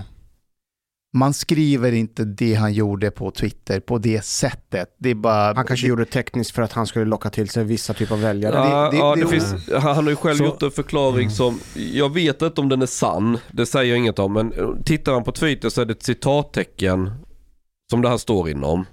Och det är ett väldigt konstigt sätt att skriva det. När han menar att han drev om kritiken mot Ja. SD, säger han. Alltså, Eh, Jag, jag har ingen Ja. aning, men citattecknen är där. Det, det, om det ser ut som en anka, går som en anka och låter Mm. som en anka så kanske det är en anka. Ja. Alltså, Och, och min poäng är att Magdalena Andersson, med det hon sa, vi vill inte ha ett Somalitown. Jag tror att hon har alla demokratiska ådror i sig. Jag litar på henne i den, i den frågan. Hon skulle inte säga, fan vi har för många Bilan Osmans i Sverige, hon kan inte vara kvar här heller, bara ut med dem allihopa. Det tror jag inte finns hos, hos SD på det sättet. Alltså, Jag- jag- får kommentera en alltså, jag håller med jag, alltså. Även om du har rätt i sak, finns det inte en komponent av hyckleri i det här? För att för några år sedan, ett sånt citat hade ju varit eh, att man hade blivit rasiststämplad. Jag håller med. Jag håller med. Jag håller helt och, och med. just den här hyckleridelen, det är det som är så stora problemet med Not Socialdemokraterna. just like several years ago. Imagine if Eva Bush would say that today. Mm. Jag Abs- tror det finns en skillnad här att eh, om SD säger något så bedömer man det som att det alltid finns en rasistisk underton i allt de säger. Och den de, och, och, tweeten för att är, det gör det. är, alltså, det, det, det, Du, kan liksom men då, inte... då skulle jag kunna säga att ja, men när miljöpartierna kommer med någon grej så är det bara för att energin ska bli hur dyr som helst och folk ska frysa ihjäl i vinter för det är undertonen. men- Vi ska så leva här, som på då- då kan man- stenåldern. Då kan man jämföra. Vill SD eh, ha bort invandrare ur Sverige? Vill Miljöpartiet att folk ska frysa ihjäl? Alltså, vi, vi, vi vill ha miljövänlig teknik. Vi har liksom inte så här, vi vill att människor ska dö av köld på politiken. Medan SD har sen sitt nazistiska förflutna varit ganska tydliga med, med sin syn på invandring och i utspel efter, efter utspel rätt tydliga med sin syn på människor med utländsk bakgrund. Och Åkesson gjorde ju en väldigt stor grej innan så att skiljelinjen går mellan de som bygger bilar och de som bränner bilar. Ja, det där är ju trams. Alltså, skiljelinjen, alltså det finns massa skiljelinjer i, men by, bygg, Sverige har byggt bilar sedan långt innan Åkesson var påtänkt och hans rasistiska parti, alltså det, när de sprang omkring i bombarjackor så byggde vi massa bilar. Eh, det, det blir liksom någon sorts löjlig så eh, one-liners som, Så, så om Åkesson säger något som i sak låter bra så ska man bortse från det just för att det Men- kommer från Åkesson. Vi ska bara här- titta på det som... nej men om, om, låter hemskt. nu pratar vi om, nej, så här, nu pratar vi om eh, ett uttalande från Tobias Andersson som handlar om återvandringståget, nästa stopp Kabul. Ja. Det är liksom det, jag menar, om, om Åkesson säger att jag vill att pensionärer ska få bättre pension så behöver han inte ljuga, han kanske tycker det, vad vet jag. Det, Mm. det, det, jag behöver liksom inte, så, eller om han säger att eh, jag tycker att eh, det är bra med vinster i friskolan, han kanske tycker det också, jag jag vet inte. Men, men i, alltså, deras, hela deras centrum av partiets existens handlar ju om, om eh, frågorna migration, integration, alltså invand- synen på invandrare. Ska de få komma hit? Hur, hur ser vi på dem när de är här? Ska de kastas ut? Ska de släppas in i samhället? Ska de, är de kriminella? Är de, så här, det finns ju det, det genomsyrar ju liksom, eh, stora delar utav deras existens och de utspelen som kommer på det området. På samma sätt som eh, innan Trump blev president så sa vi, nej han menar ju inte det han säger. Det är klart han gör. klart han menar det han säger. Det visar han så fort han fick makten. Det är klart att de ju- menar det de säger. Jimmy sa ju bokstavligen när vi pratade med honom att även om det hade kommit hit två miljoner invandrare från, ja men, säg Iran och alla var utbildade och hade jobb och ingen bekostade Sveriges skattesystem någonting så var det fortfarande för mycket Iran i Sverige för hans smak. Ja, Mm. men de, de vill bevara den svenska kulturen. De vill bevara. Sveriges- Nej, de vill bevara de svensk kultur med etnisk svenska Nej, nej, nej, nej, jag håller, kulturutövare. jag håller inte med. han. Jag håller, nej, nej, nej, nej, jag håller inte med. Eller jag Han- han, honom. Nej, nej, nej, nej, nej, Eh, jag håller inte med. Han sa att Sverige kommer bli som Iran and this is the thing that he kommer was against. bli. Hur, ska- Nej. hur ska Sverige bli, Jo. bli som Iran om det kommer en massa iranska Of ingenjörer? course it Två will be. två Två miljon- miljoner. iranier. Of som course it will be anpassar sig more. till det Men svenska. men vänta, vänta, vänta, vänta. Okej, två miljoner kanske inte är många. Två miljoner. Har lite svårt att anpassa sig, ja exakt. Nej, Nej, men han har ju rätt i sak där. Ja, det har han. Men Alltså, And, and then one can agree or disagree. Like you can say, well, I don't care about at, that to keep S- Swedish culture Swedish. I don't care about Sverige that. har ingen kultur, det spelar ingen roll om exakt. det kan man, det kan man säga. But you cannot Mona say like Sahlin som sa det en gång. Ja, exakt. Ja. But one cannot say det spelar ingen roll.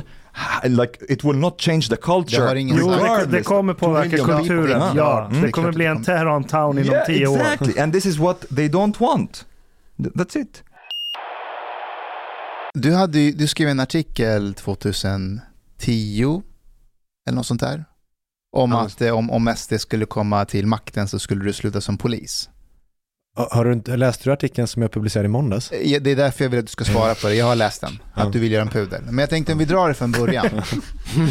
Nej men så här, eh, jag, alltså, jag tycker att SD är livsfarliga och det är inte bara deras syn på Alltså, om man isolerar migrationspolitik då kan man liksom, jag tycker att det finns en, en, såklart en legitim diskussion kring men hur, vilken sorts migrationspolitik ska vi ha, hur ska vi ta emot folk, hur mycket ska vi ta från flyktingläger, hur ska liksom, eh, och där, där också, menar, det finns inget parti, inte ens Miljöpartiet eller Vänsterpartiet som vill att vi ska ha fri, alltså att det ska vara helt fritt för alla som vill komma till Sverige och komma till Sverige. Och, och, om man, Miljöpartiet vill inte ha det. Nej, ingen, finns inget parti som driver fri invandring. Eh, Alla, alla partier driver reglerad invandring och det innebär att, att det finns en, en diskussion kring reglerat på vilket sätt. Liksom. Hur, hur, hur ska vi dra gränserna? Hur, vilka får komma in? Vilka får inte komma in? Och, och, och, Hur många? ja, Mm. och, och, och även om man inte då sätter siffermål eftersom man sätter eh, men, politiska mål kring rättigheter och så, så blir det ju ändå en konsekvens att man modererar liksom, hur många som har möjlighet att komma hit också.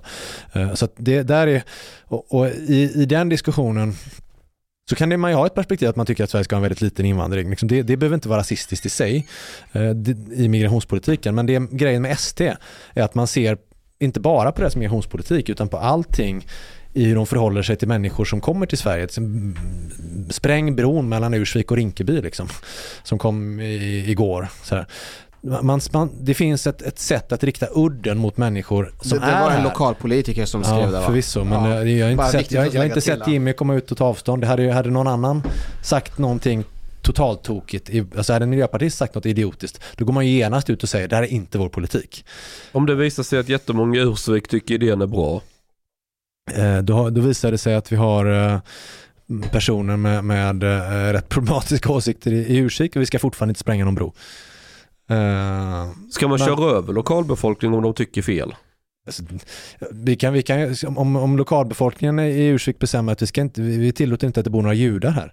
Ska vi köra över dem då? Ska vi, eller ska, vi, ska man ta, liksom Ja, hur dem- smart är det att köra dit judar från första början om det är väldigt Nej, men antisemitiskt? kontentan är det klart att en lokalbefolkning inte kan bestämma vad som, vilka tokigheter som helst. Liksom, vi har ett land med, som, där vi bygger, som vi bygger på lagstiftning som är nationell.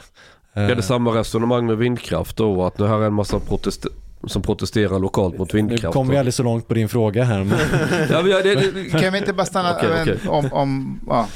kon- kontentan är i alla fall att pro- problemet med SD är inte bara migrationspolitiken utan de genomsyras av en syn på människor med utländsk bakgrund.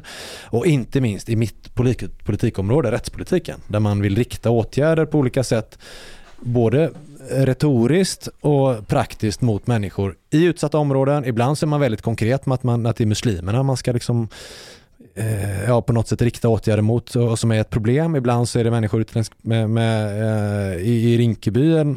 Det kommer, ja, men man ska sätta in militären, man ska eh, skamstraffa nioåringar, man ska göra allt möjligt. Eh, och det, det, det jag minns inte vad SD hade skrivit i, i 2010 när jag skrev den här artikeln. Men min reaktion var då att om man har en politisk styrning som, som vill använda mig som polis som verktyg att liksom förtrycka människor med viss bakgrund.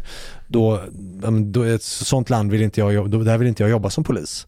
Så det var den, det så ogenomtänkta uttalandet som, som visserligen blev en klatschig poäng för man men, Fick en enorm spridning Eh, också. eh, så att, eh, men, men ganska snabbt efter att jag skrev det så fick det, var det en del kollegor som, som skrev till mig. Men det där var ju jävligt korkat.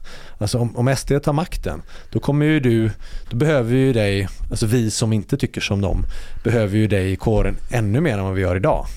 Eh, Och då svarade jag då inte, men, ja, jo, men det har du ju rätt i. Alltså, det, det, ju mer liksom, filter man får emellan politiker som vill använda polisen som ett verktyg mot vissa människor och någon sorts verkställighet utav det, desto bättre. Så att jag redan rätt snabbt efter det förstod jag att jag, jag hade, de hade rätt och jag hade fel. Liksom. Det, var, det, var, det, blev, det blev PR-mässigt bra som du säger Mustafa, men det var inte så genomtänkt.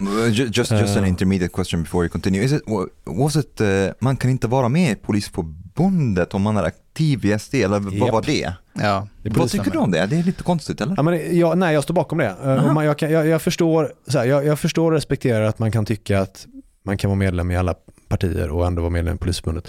Men Polisförbundet, vilket inte är det enda fackförbund som har den, den, Det är många förbund eh, det är som många förbund som har den. Men det är inte lite odemokratiskt? Men det handlar om att SD genomstyras av en människosyn som är, tycker jag, genuint exkluderande utav vissa människor. Som Så då riktar in- kan vi exkludera dem tillbaka. Ja, men vi, så här, man, vi- det är inte så att Polisförbundet någonsin har kontrollerat dina åsikter. Men om du genom att ta uppdrag för Sverigedemokraterna Eh, och det är inte så att Polisförbundet heller exkluderar några medlemmar. Eh, eh, utan du kan vara, med, du kan vara politiker för SD och medlem i Polisförbundet. Men det, det man sa var att om, alltså det ställningstagandet man gör genom att ta ett politiskt uppdrag för Sverigedemokraterna, det rimmar inte med Polisförbundets värderingar och det hindrar en från att få förtroendeuppdrag för Polisförbundet.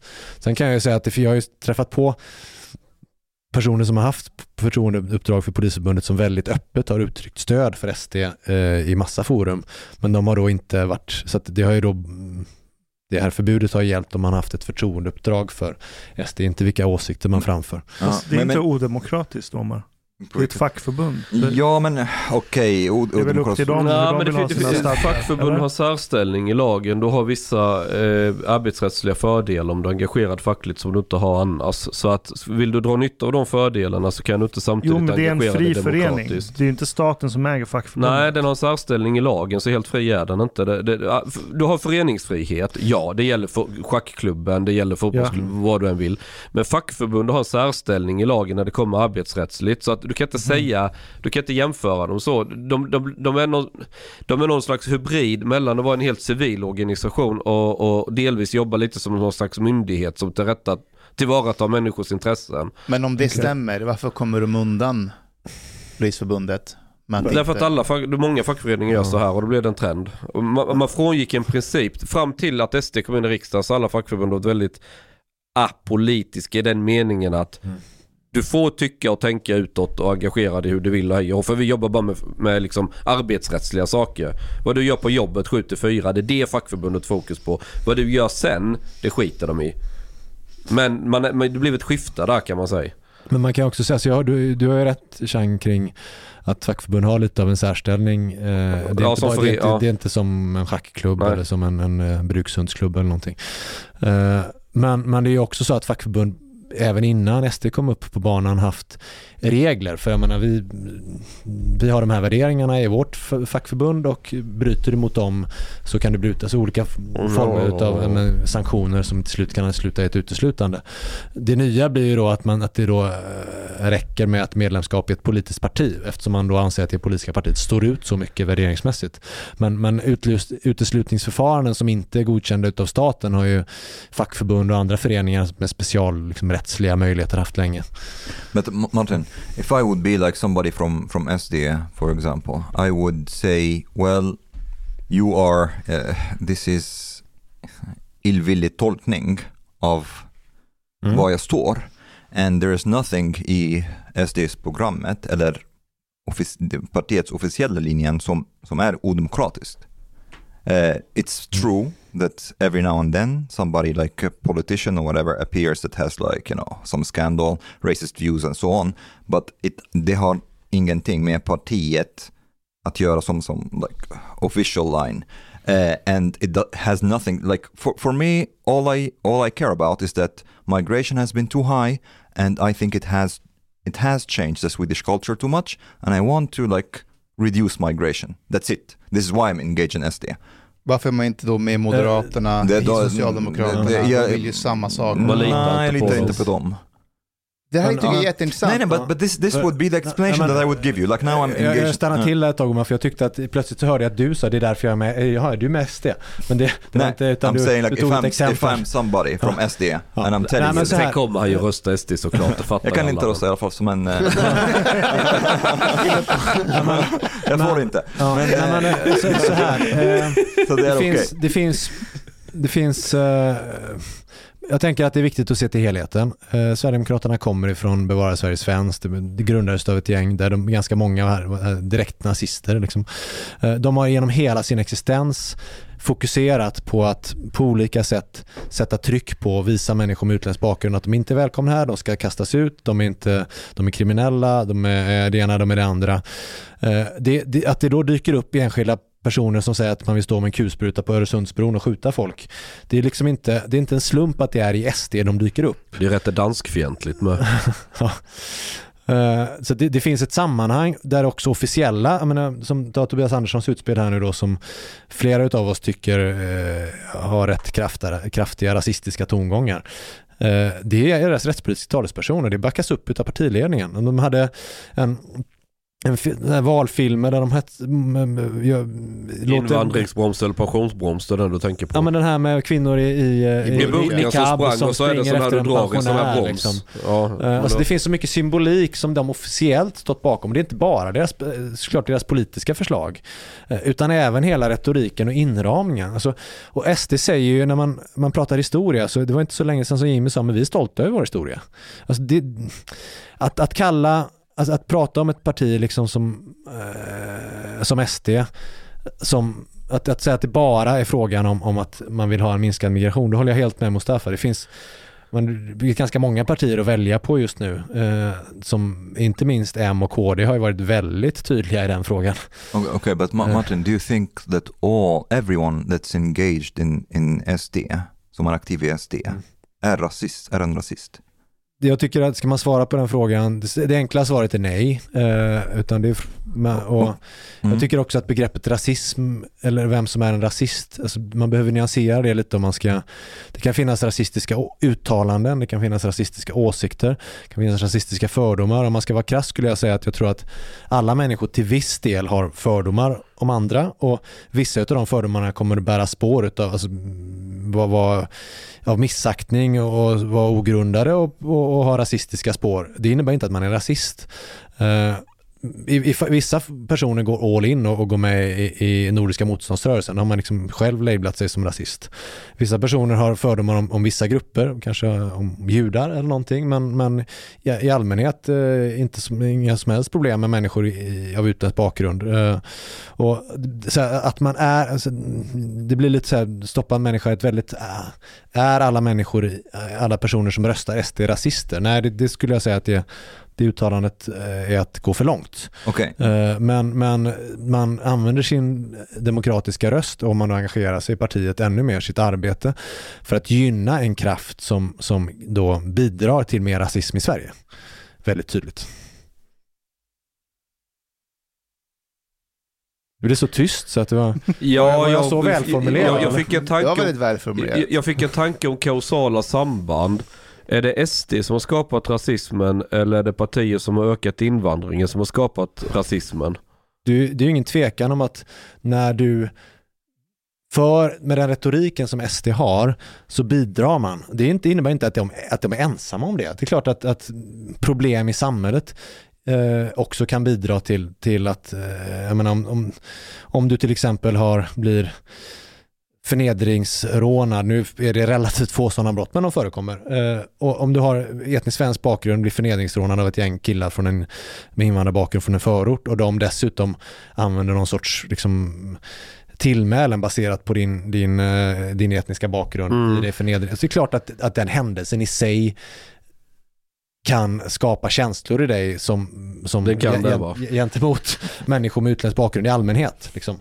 Eh, så att det, det är inte så att, att, att rasism föds genom partier eller personer som har en rasistisk retorik eller politik. Men det är ingen tvekan att de, att de är med och förstärker det. Alltså de, Laserman, alltså Breivik eh, hänvisade till eh, Eh, Fremskrittspartiet, Lasermannen hänvisade till, eh, vad hette Bert och Ian, är, är liksom i, när, när, man, när man Och argumenterar. Junabombaren hänvisade till, vad var det, eller han som sprängde skyskrapan, det var miljön va? Han var ju psykiskt sjuk också. Ja för det var ju inte Breivik. Det var han ju inte. Han var ju tillräcklig. han, till, han var till. tillräcklig. Det, Men tror ni att man hade bedömt Junabombaren annorlunda? men det, det Det finns, är, det är ju svårt att jämföra de olika rättssystem. Ja, och det, och det blir lite, väl, eller det blir väldigt mycket äpplen och päron, så jag tror att jag bara släpper Jonabombaren och, och, går vidare på, på där vi var där.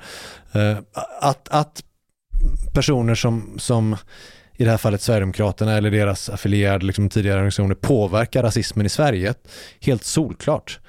Mig. Eh, och sen är, innebär ju inte det att det inte finns reella problem och att precis som du säger Roman, att man, man kanske röstar SD eller till och med engagerar sig i SD för att man upplever att det finns vissa problem som man tycker att SD tar tag i. Ja men absolut, klart det kan vara så. F- Får jag ställa en fråga till alla här? Om, så här, jag, jag är helt med och det vet ni i de här frågorna om att migration har varit för hög, jag är helt med på att integrationen har inte fungerat, vi har en brottslighet som har spårat ur totalt.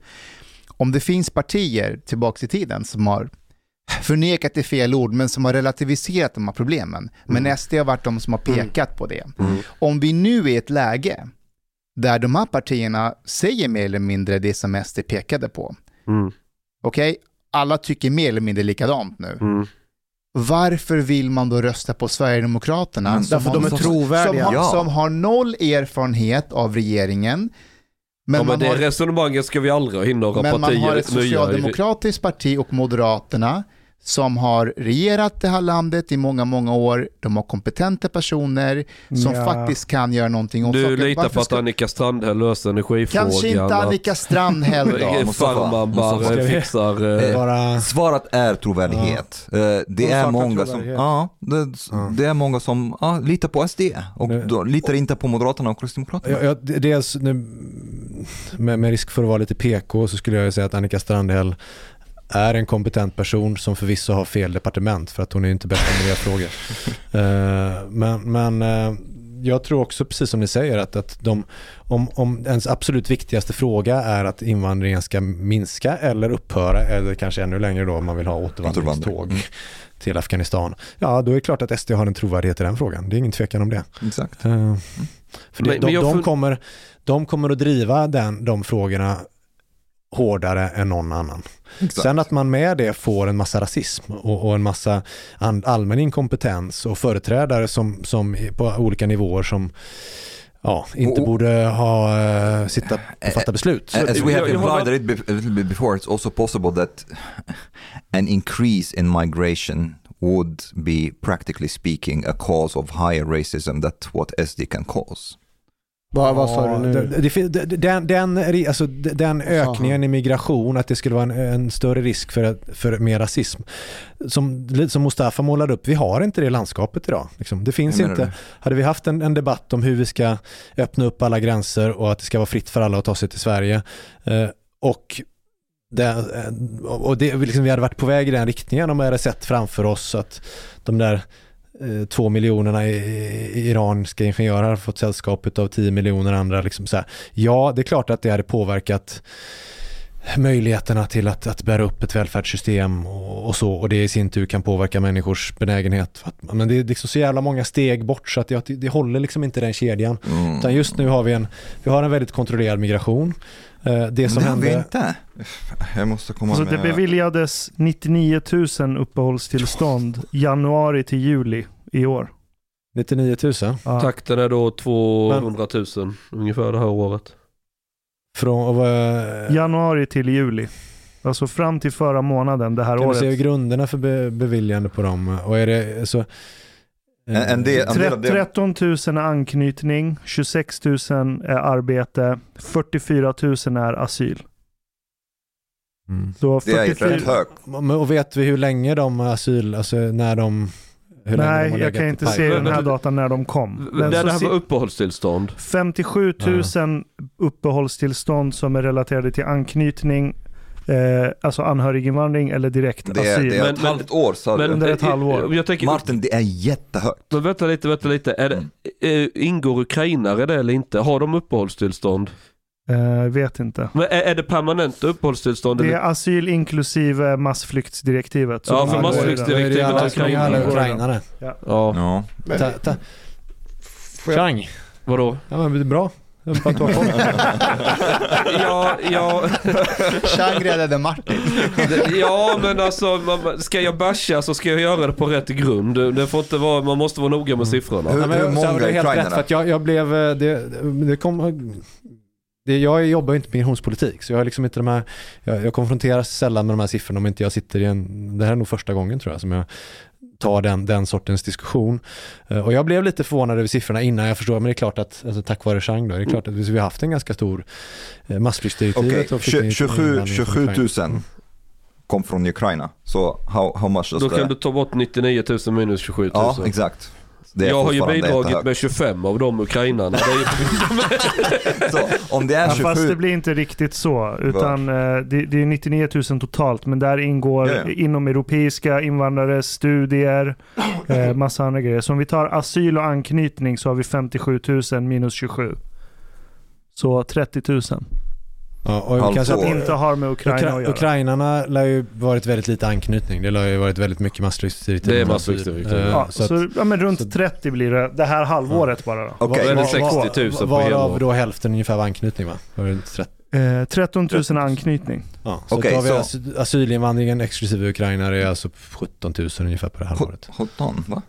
Nej men anknytning, det kan ju vara att eh, en ensamkommande får hit sin familj från Anknytning Ja, asyl. men an- anknytning kan också vara en uh, ingenjör ifrån eh, USA Det kan som får hit sin... Yes. eh, alltså så att Ja, jag det är båda deras.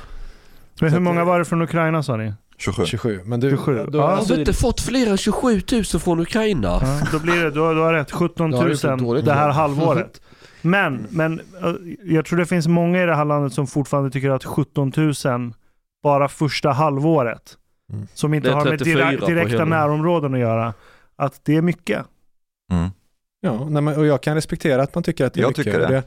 Det, det jag, återigen, det här är, det finns, det är en sån otroligt komplex fråga som jag då, eh, nu sitter jag här med er, men jag brukar undvika att ge mig in i den, den debatten och ägna mig åt rättspolitiken istället. Men, men det, det, det finns väldigt starka skäl rättighetsmässigt att ta emot människor som flyr. För att vissa av dem har ingen, möjlighet, alltså, de har ingen annan möjlighet. Sen finns det eh, en komplexitet i systemen, liksom push-pull-faktorer och vad finns det möjlighet, alltså, är det pers- alltså, vad, i vilken mån kan vi i högre grad ta människor från alltså, flyktingläger och, och se till att då eh, med en bättre process plocka hela familjer och inte sortera på vilka som kan ta sig över Medelhavet havet på i en gummibåt. Och mm, ge en bättre start också att man kommer med sin familj från början. Och kan vi till viss del också med länder som inte har gränser som man mm, sorterar på eh, mm, Det finns ju ganska gott om människor i flyktingläger som har skyddsbehov men som också på olika sätt rent cyniskt skulle vara nyttigare för Sverige för att de har utbildningar och annat som vi behöver. Eh, Så det är en sjukt komplex fråga. Eh, och Eller människor som lämnar eh, olika länder på grund av religiöst förtryck. Och de Religiöst förtryck, man kan vara, det, vi har eh, hbtqi-flyktingar, vi har mm. Eh, Bent Böhan, okej nu kommer ja, men du har ju fått, du fick ju. Ja, ja. Eller, eller också... Eh? Ja, ja. And, and you're like this girl I went on a date with. and I was like, my only explanation, Sweden is not the only country in Europe. there are many other countries in Europe who have not taken as many. When she told me like, what, what would you have done if Sweden had closed the door? I, would- I said, well, I would have just gone to Germany or Netherlands or Denmark. Men där kan man också säga att, alltså, och, mm, nu slänger jag in den här brasklappen stup i kvarten, jag är inte migrations, alltså, det är inte mina frågor. Men det är, man, i, i de kretsarna på sociala medier som jag rör mig så är det ju väldigt ofta som man hör om, inte minst afghanska killar, som till slut får nej efter alltså, sista nejet och sen så dyker det upp något meddelande för att men nu har jag fått uppehållstillstånd och jobb i, i Frankrike. Japp, liksom. jättevanligt. Eh, och så att det här att vi alltid är så sjukt generösa och snällast mot alla och liksom ta, ska ta emot alla, det är inte heller liksom hela bilden. Fast är inte Ja. behandlingen av de här från Afghanistan väldigt problematisk? Man har ju skapat incitament som gör att man tar sig från Afghanistan till just Sverige. Att Men nu håller man på med olika signaler och försöka säga liksom, kom Ja. inte Ja men jag tänker så här, många är jättearga mot dem för att Mm. Åh, ni ljög om er ålder. Jo men Sverige har ju skapat de incitamenten och sen med något slags löfte om bättre framtid i Sverige. Efter några år så kan man få hit familjen och allting. Ja.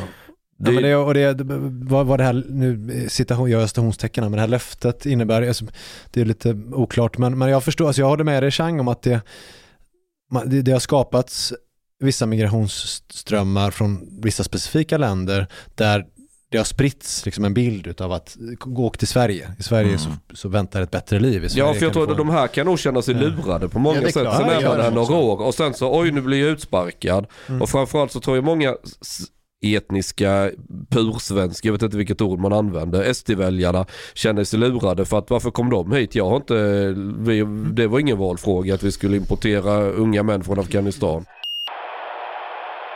Martin, the moment that you have waited for. Mm. Ska vi prata om rättspolitik då? Ja. Den kan jag i alla fall. Nu ska vi Eh, köra Jag igång. har en fråga. Ja. Eh, Vi har Ja, du, har varit, du har varit väldigt tyst här nu. ja, nej, men jag låter de andra prata. Så. Som har med rättspolitik att göra. Ja, eh, Okej, alltså bra. den här situationen, vi är, det- är det 45 personer som har mördats i år? Ja, jag tror att det är 45 om Eh. Det är- om du får göra en analys, vad, det, självklart är det så många faktorer som gör att det, det är som det är.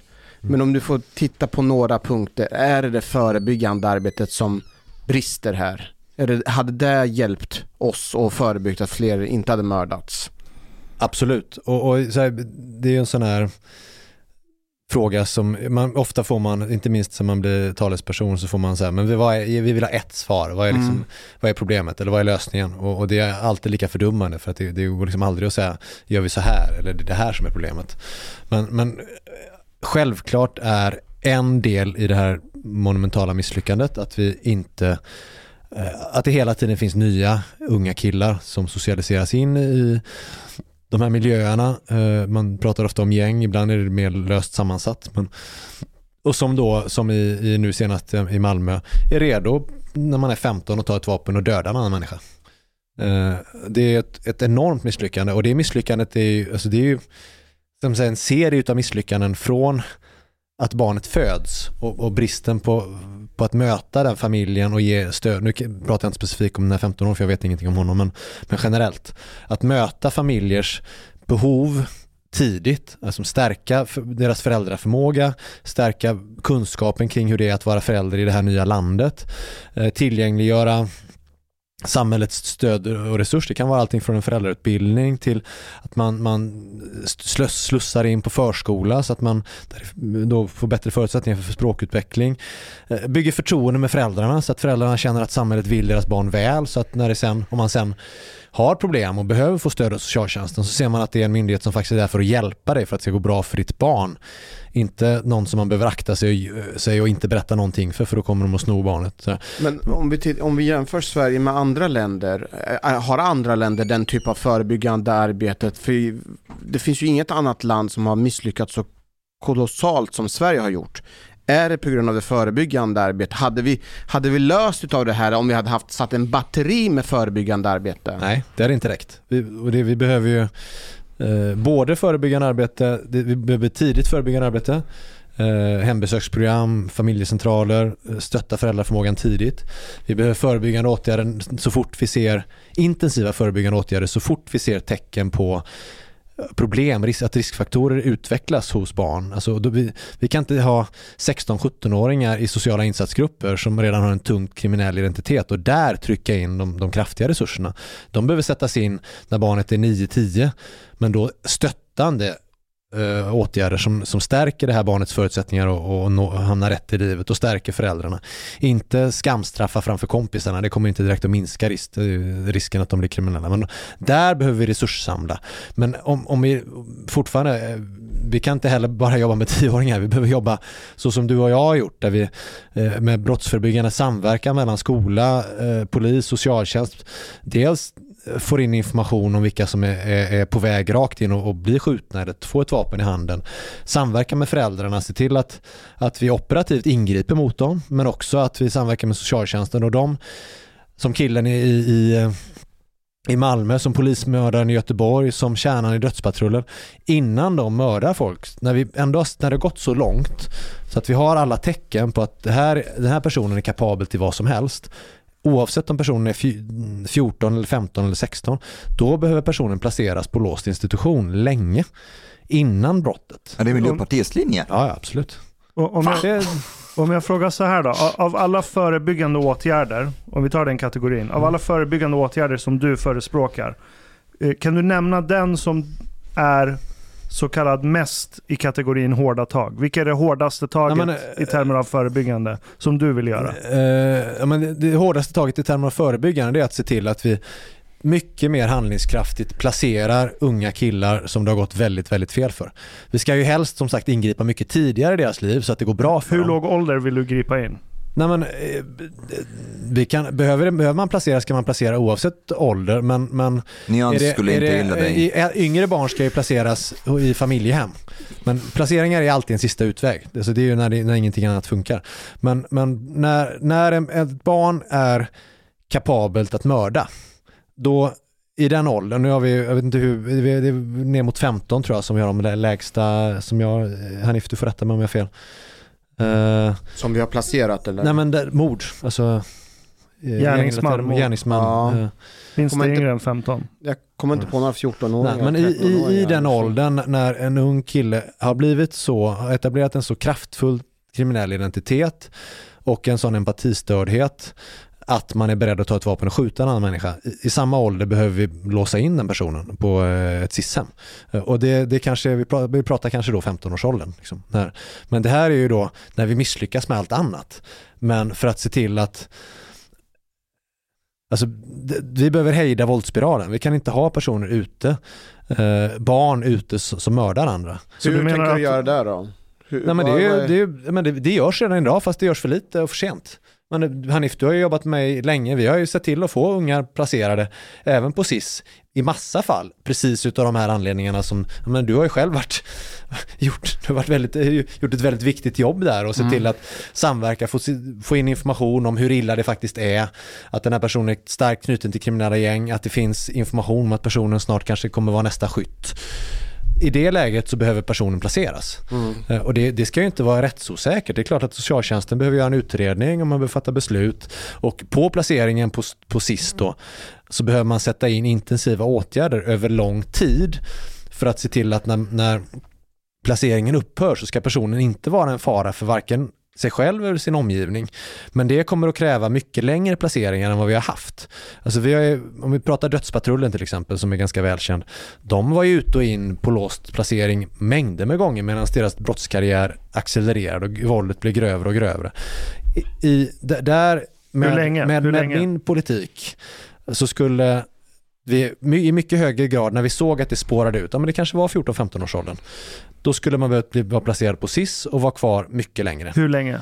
Ja men i vissa fall kan man nog behöva vara placerad, alltså, idag finns det en maxgräns på fyra år, eh, den är alldeles för låg. 20. Eh, vi, kan, vi kan behöva ha, ha, och sen är det också, jag vill också vara tydlig med att eh, när vi placerar barn i preventivt syfte, det, kan, det gör vi enligt LVU och det kan man göra så länge de är barn. Dömer vi för brott, eh, LSU, då är det ju också, då, det, är, det är fortfarande en skillnad på när man väl har begått det här mordet. Då, Kan, kan vi öka det till 10? Skulle det vara rimligt enligt det? eh, att, pla, att placera preventivt en 15-åring i 10 år som inte har begått, där vi ser vid placeringen att han är nästa skytt, men han har inte skjutit, nej då tycker inte jag att det är men om rimligt det är någon som har begått grovt brott. Om det är någon som har Ja. begått eh, ett mord, eh, då, vi, Miljöpartiet har inte satt den siffran, men, men i, om, vi, om vi bollar siffror så är inte det orimligt att en 15-åring som mördar någon är inlåst tills personen är 25. Men Vill du ändra LUL, lagen om unga lagöverträdare? Alltså vi, vi, som, som det ser ut nu som sagt finns det en fyraårsgräns. Mi- Miljöpartiet driver att den ska höjas till sju år, eh, så där är vi nu. Eh, men, eh, och det, det skulle då genast göra att man från att man är, är 15 sitter till, till man är, eh, ja, men, 22. ja, Är, det för att skydda Ja. barnet eller är det för att skydda samhället mot båda barnet? delarna. Men när, utåt sett när många politiska partier, framförallt på vänstersidan, kommunicerar i sådana här frågor så kommer sentimentet att ökade straff minskar inte brotten. Men Visst. här säger du raka Ja men alltså motsatsen. pe- personer som är att, att individualpreventivt se till att Oj, det här är mitt barns förskola. Mm, kör. Kör. Ja. Martin, du har, du har tre mobiltelefoner. Mm. Jag vet att man ska liksom försöka leva lite, se in i sina motståndares, vet, knarklangarnas liv. Men du har gått all in på, du lever som. Knaslur och säljelur och så. ja, men, eh, Min privata eh, riksdagsluren och min Ja, jag misstänkte det. Men, men du- kan fortsätta svara på, på Ashkans fråga. Eh, Just det. Mm. Eh, Är det för att skydda befolkningen eller för att skydda barnet? Och du sa både och. Båda delarna. Ja. Och det, det här, längre straff, det är klart att vissa personer som är extremt farliga och begår väldigt grova brott behöver sitta inspärrade. Sen behöver det finnas en laglig grund för det. Antingen för att man blir dömd till brott eller för att vi har till exempel LVU då, att man, är, eh, man som underårig kan placeras av staten för att man är farlig för sig själv eller andra. Eller ja, då är det egentligen att man är farlig för sig själv som är grunden i, i den, det Jag placeringsbeslutet. har en väldigt enkel approach, en rättspolitisk approach. att Är du återfallsmördare efter andra mordet och du, och du är ung, ung så blir du inlåst tills du är 30 och testosteronnivån har lugnat ner sig. Som en samhällsskyddande åtgärd. Det är lite hårt. Tredje Nej, men- mordet kanske, men Varför? andra. Varför? Varför? Aha. Men om- om- jag blir arg. Om man, Jag menar, vi, vi skyddar befolkningen från kärnkraftsolyckor. Men om, om du låser in tillräckligt mycket som då jag och Miljöpartiet tycker för första mordet, då kommer du vara vuxen och fullt straffmyndig på andra mordet. Och då kommer du sitta långt mycket längre än 30. Så att du var lite snäll där. Är det samma Ashkan. princip för mina Lite- kommande kärnkraftsolyckor? Vem ska vi låsa in egentligen? Ja, men får jag straffrabatt eh, första gången? Fa- Fast vänta, om du är 16 och mördar någon Ja. och så inkluderar vi ungdomsrabatt och allt det här. Vad är det minsta du kan sitta inne då? Men nu är det ju inte funktionellt och det där är vi överens. Eh, Alltså vi behöver låsa in All de right. personerna längre. Okej. Men om man låser in personerna längre så kommer du vara för det mordet. Då kommer du vara fullt straffmyndig. Dessutom har vi redan tagit bort straffrabatten för över 18-åringar för grova brott. Så att begår du det andra mordet när du är över 18, då kan du få livstid för det. But, Okej, but Martin, första mordet, under 18, inlåst i 30. yes, I'm with you on that. Och för en Let's do- 15-åring. Ja. Mm. Ja, Om man kan men- kombinera det men- med arbetsläger så kan jag vara med. Men Martin, men det, det här är en, alltså, så här, jag, det, jag kommer inte vara beredd att säga att vi ska låsa in 15-åringen till han är 30, men, men vi är ju, ju en väldigt tydlig signal ifrån mig och från mitt parti att vi behöver låsa in unga mördare längre. Och det Martin, behöver vi Får jag komma med en parentes de- där? Eh, Förlåt. eh, Så det, det handlar ju också om att många av de här unga mördare, det- de har ju själva blivit pressade till att begå de här morden. Eh, ja, Jag förstår, men grejen är att om man tänker sig under vilka premisser det är så att de här begår de här morden. Så, är det ju, så måste man ha i beaktning när man dömer ut dem till... Alltså de här 15-åringarna. Ja. Ja, det är klart. but, I, but I think like, oh, Det är yeah, därför jag hade en så snäll approach. Mm. But Martin, now now that I'm listening to you, I'm starting to think that maybe it's not uh, SVT that's not allowing you, maybe Miljöpartiet that's not allowing you on the TV. Det, det, det kanske kan komma som en överraskning men jag har mött väldigt lite, alltså, tvärtom så har i princip alla jag har pratat med Miljöpartiet tyckt att det är bra att jag tar plats i rättspolitiska debatten och att jag har en, en, en, en om, ja, man säger hårdare då, alltså en, en, en fram, att jag inte bara pratar brottsförebyggande arbete utan att jag också pratar behovet av en mer effektiv eh, brottsbekämpning. Du, du är Eh, som eh, Eddie Murphy, snuten i Hollywood, fast du är snuten i Miljöpartiet. Ja, det kanske, jag vet inte hur mycket Hollywood det är i Miljöpartiet förvisso. men men eh, och- och- eh, bara säga att jag tycker att du har helt rätt Hanif, att man behöver ha med sig alla perspektiv och man behöver ha med sig perspektivet att ett barn är ett barn och vad ligger bakom ett brott. Ibland kan det vara att man själv sträcker upp handen och säger att jag vill detta, liksom. jag vill kliva fram, jag vill bli en hundragubbe. Liksom. Och ibland så kan man på olika sätt förekom, eh, utsättas för hot, press sådär och det behöver naturligtvis finnas med i bedömningen utav både eh, ja, men påföljd för brott och när man bedömer vårdande insatser och så vidare. Eh, och vi ska inte tappa barnperspektivet. Eh, det är också en anledning, en anledning till att vi inte ska låsa in 15-åringen tills han är 30. Men, men det, där vi är idag så är det ingen tvekan om att konsekvensen för att begå ett mord när man är 15, som till exempel eh, det som hände i Malmö nu, är otillräcklig. Eh, och det är både ur ett förebyggande perspektiv där det liksom är lätt att tänka sig att man kan ta på sig någonting för att ja, men, jag, är, jag är ute ganska snart igen. Och för att ur ett rent alltså, individualpreventivt perspektiv. Att en person som har visat sig kapabel att döda en annan person behöver, som precis som du sa Ashkan, sitta frihetsberövad. Samhället behöver skyddas från den personen och den själv behöver skyddas från den personen under de här åren där testosteronnivåerna är höga och konsekvenstänket är, i princip obefintligt. Man, Och det ger också bättre tid att jobba med personens, alltså att, att, att jobba med olika former av då, eh, ja, men socialt arbete eh, som gör att, att man förhoppningsvis har brutit en kriminell identitet när man kommer ut på andra sidan. Har svensk polis tappat det? Har vi tappat kontrollen när vi har 45 mord på ett år? Nej, alltså det, det blir också sån här, halvår? det blir också en sån där, eh, jag är lite allergisk mot den sortens liksom spetsiga, ja har vi, har vi inte. Så här. Men Nej, om, vi har alltså, inte- inte- skulle du vilja påstå att svensk polis har bra kontroll över situationen i landet med tanke på antalet mord som har skett? Nej, det är klart att det här inte duger. Det, det görs massa bra polisarbete, men det här duger inte. Polisen är... Hur har det blivit så? Ja, men polisen har fortfarande, vi har en för liten polis. Vi behöver, den behöver växla, vi behöver komma upp, ja men åtminstone på Euro- Europasnittet. Och det är Fast vi en, har aldrig haft så många poliser. ja, men det räcker inte. Det, du har också jobbat i myndigheten. Vi, min jag var uppfattning är... Morgan Johansson. Jag var Morgan Johansson han skojar Ja, också. Och Damberg. Ja. Min, min uppfattning är, och det här kommer ju såklart inte ske över en natt, men poli, polisen behöver växa över lång tid framöver och man behöver växa i alla delar. Alltså det, vi behöver ha fler personer som utreder de grova brotten, vi behöver ha fler personer som jobbar repressivt mot de kriminella grupperingarna, vi behöver ha fler personer som jobbar förebyggande, så som jag och Hanif gjorde. Vi skulle kunna göra väldigt mycket mer. Om jag hade haft två fulla grupper bara i Rinkeby med personer som Hanif till exempel och Rissa och andra som så här, Oj, oj, oj. oj. vi, shit vad vi hade kunnat förebygga brott. Vi behöver ha fler på mängdbrotten där det läggs ner utredningar eh, som skulle ha gått att utreda men man blir tvungen att förhålla sig till den verkligheten som är.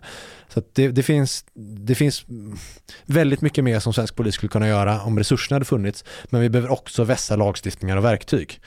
Det räcker inte, alltså resurser är en sak men vi behöver se över hur, hur lagföringsprocessen funkar. Liksom, eh, omedelbarhetsprincipen är en sån sak som har luckrats upp nu lagstiftningsmässigt. Vi kan behöva göra mer där. Eh, mängdrabatten är, är alla överens om att vi behöver förändra.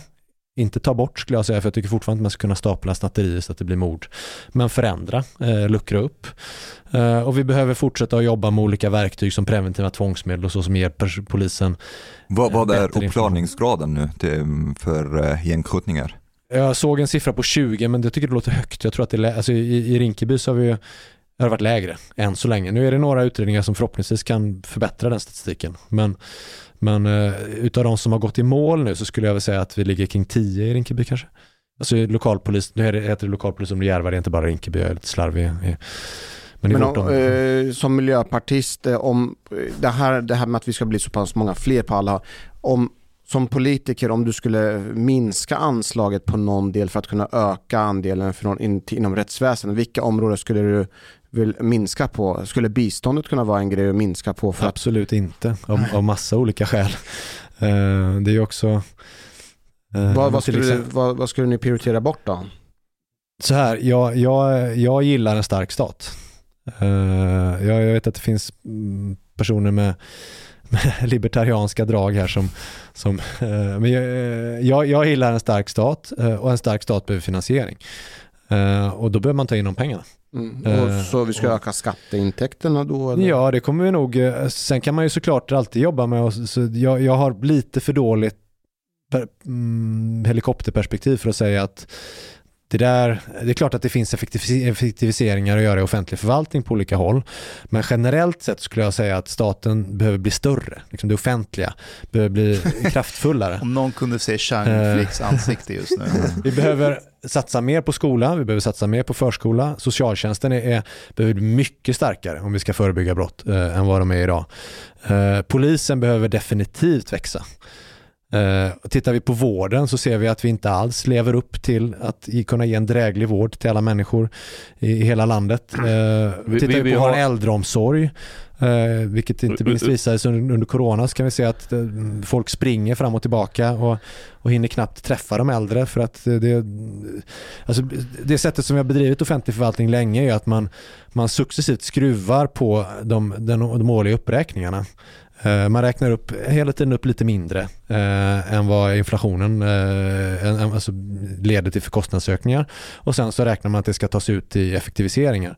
Eh, och det innebär att vi har eh, Men vi har fortfarande en brister. av världens högsta skatter. Och ändå behöver allting svälla och bli ännu större. Ja, det finns ju, det finns ju man brukar prata om det och det, det kan ju säkert Ashkan plocka fram siffror på också. För det, alltså det finns länder som har högre skatte, skattetryck än vad vi har. Sen kan jag också tycka att Det finns länder som har högre skjutningar än vi också. Det betyder inte att det är bra. Nej. Sen, sen tycker jag då att, att just skatt, alltså skatten på arbete, det är inte där vi ska ta, liksom, det är inte där vi behöver ta ut pengar i huvudsak, utan vi behöver Fastighetsskatt.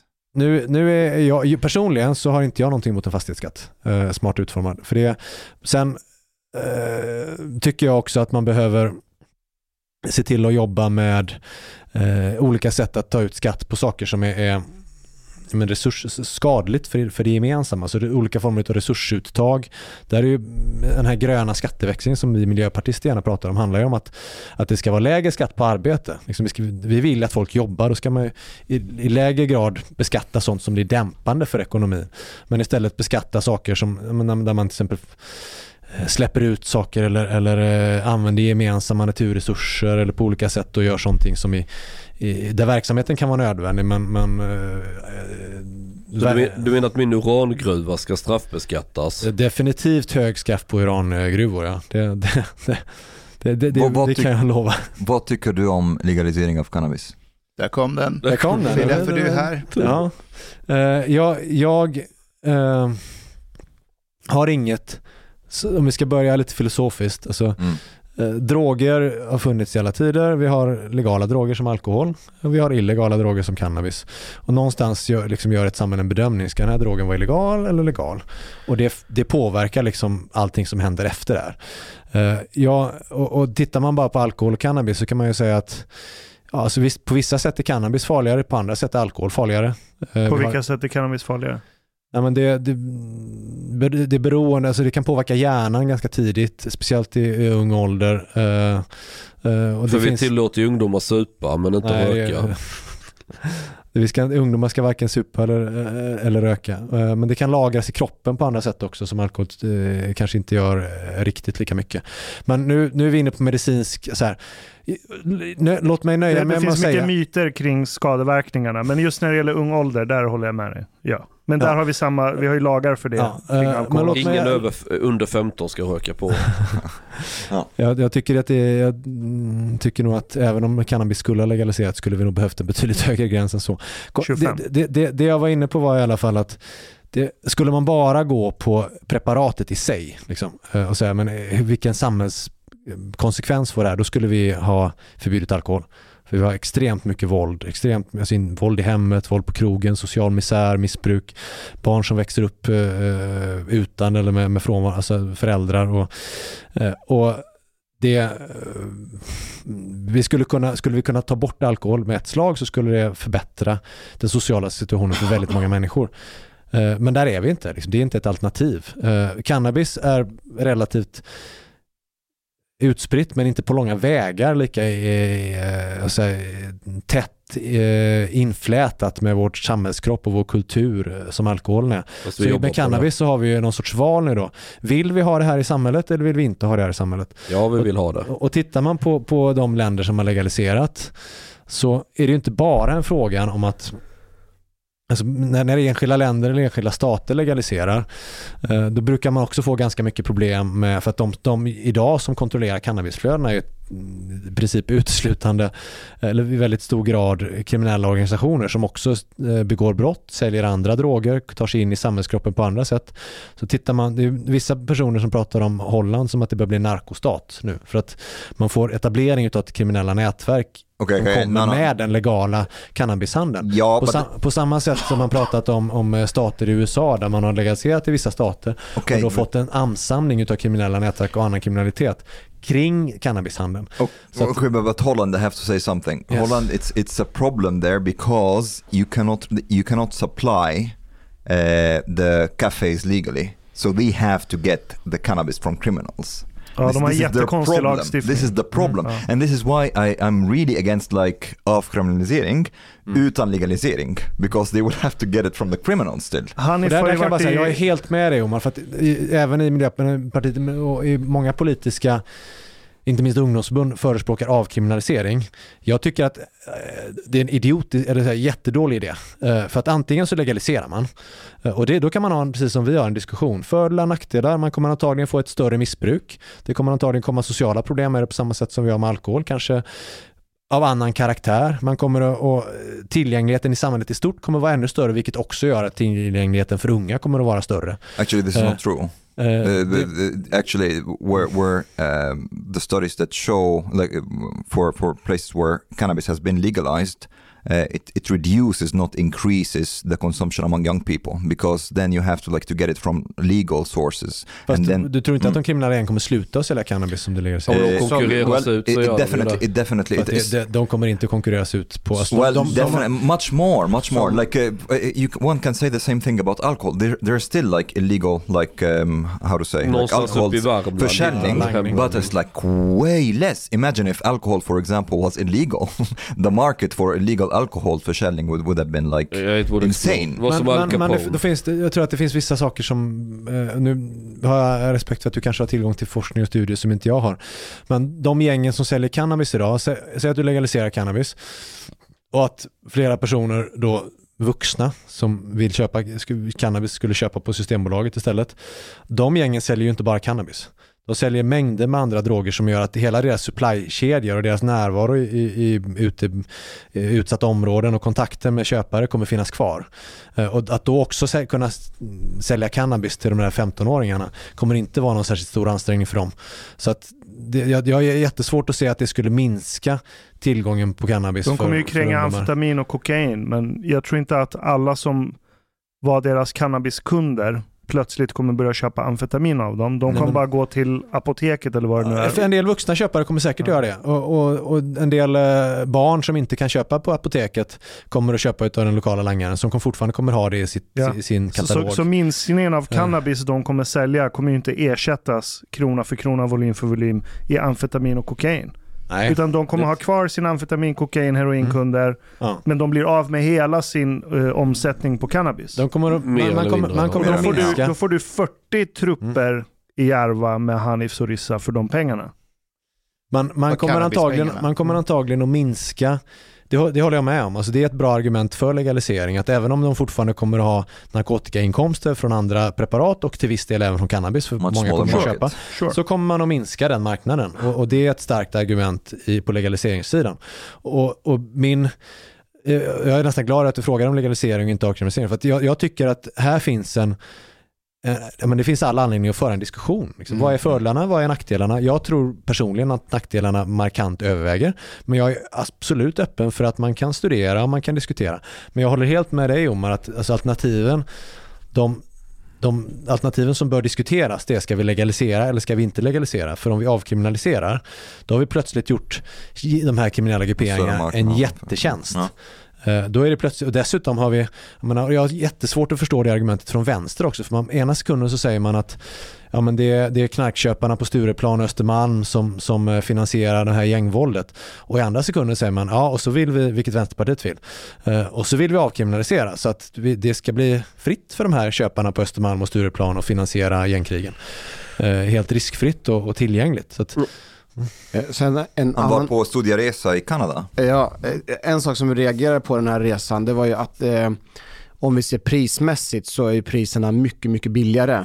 Så en femma ungefär kostar runda slang, slänga 300 kronor. Så du passade på då eller? Eh, Det kan man minst sagt säga. Det var en haschmån. det var en haschmån från att jag klev ur, vad heter det, flygplanet tills jag åkte hem så var det en konstant haschmån alltså. Eh, Martin, du, du som är chef över honom eller har varit, skulle du ta honom på pisseprov nu om, eh, efter du fått den här informationen? Alltså hur länge sedan var, hur länge är det kvar? I, igår. Kan jag- jag Ja, kom hem. kom hem. Men jag ska bara tillägga också att eh, förutom just eh, själva cannabisen, det är ju inte bara att man kan röka utan det finns i godisform och även, Eh, I som och- glass. Och i, säkert i glass också och även i iste-format Hanif, som, också. som vän vill jag be dig sluta nu. Alltså du erkänner brott just nu. Nej, nej, nej, jag säger bara att det här Det det finns. inte Det här, är- de här Okej. möjligheterna Men finns i landet. Åt, du, åt du en knarkgodis, ja, Ja. eller nej? Jag förnekar bestämt Kan du, kan du, rå, all kan du råkat att äta en knarkgodis? Nej, nej, absolut. Jag, jag, jag, jag förnekar Hade du uppsåt att äta en knarkgodis? Håller samhället eh, i, i Kanada på att fallera eller? Det, som turist så är det ju svårt att svara på den där. Eh, Alltså det är det här som är grejen. Utifrån en turistperspektiv så var det inte så. Nej. Men jag vet inte, utifrån ett polisiärt perspektiv så har de en annan, de kanske har en ökad andel problem. Jag kanske är fler som håller på att ta droger eller tar röker och kör bil och orsakar mer olyckor på så sätt. Det kan inte jag svara på. Jag, jag måste fråga. Får får jag bara komma en sak som jag ska kommentera Martin? Och det var ju just det här med resursfördelningen. Vad ska polisen syssla med? Jag tänker så här att om det skulle vara eh, legaliserat med cannabis då skulle ju en stor del av våra resurser som går på att pissa av folk kunna läggas på någonting helt annat.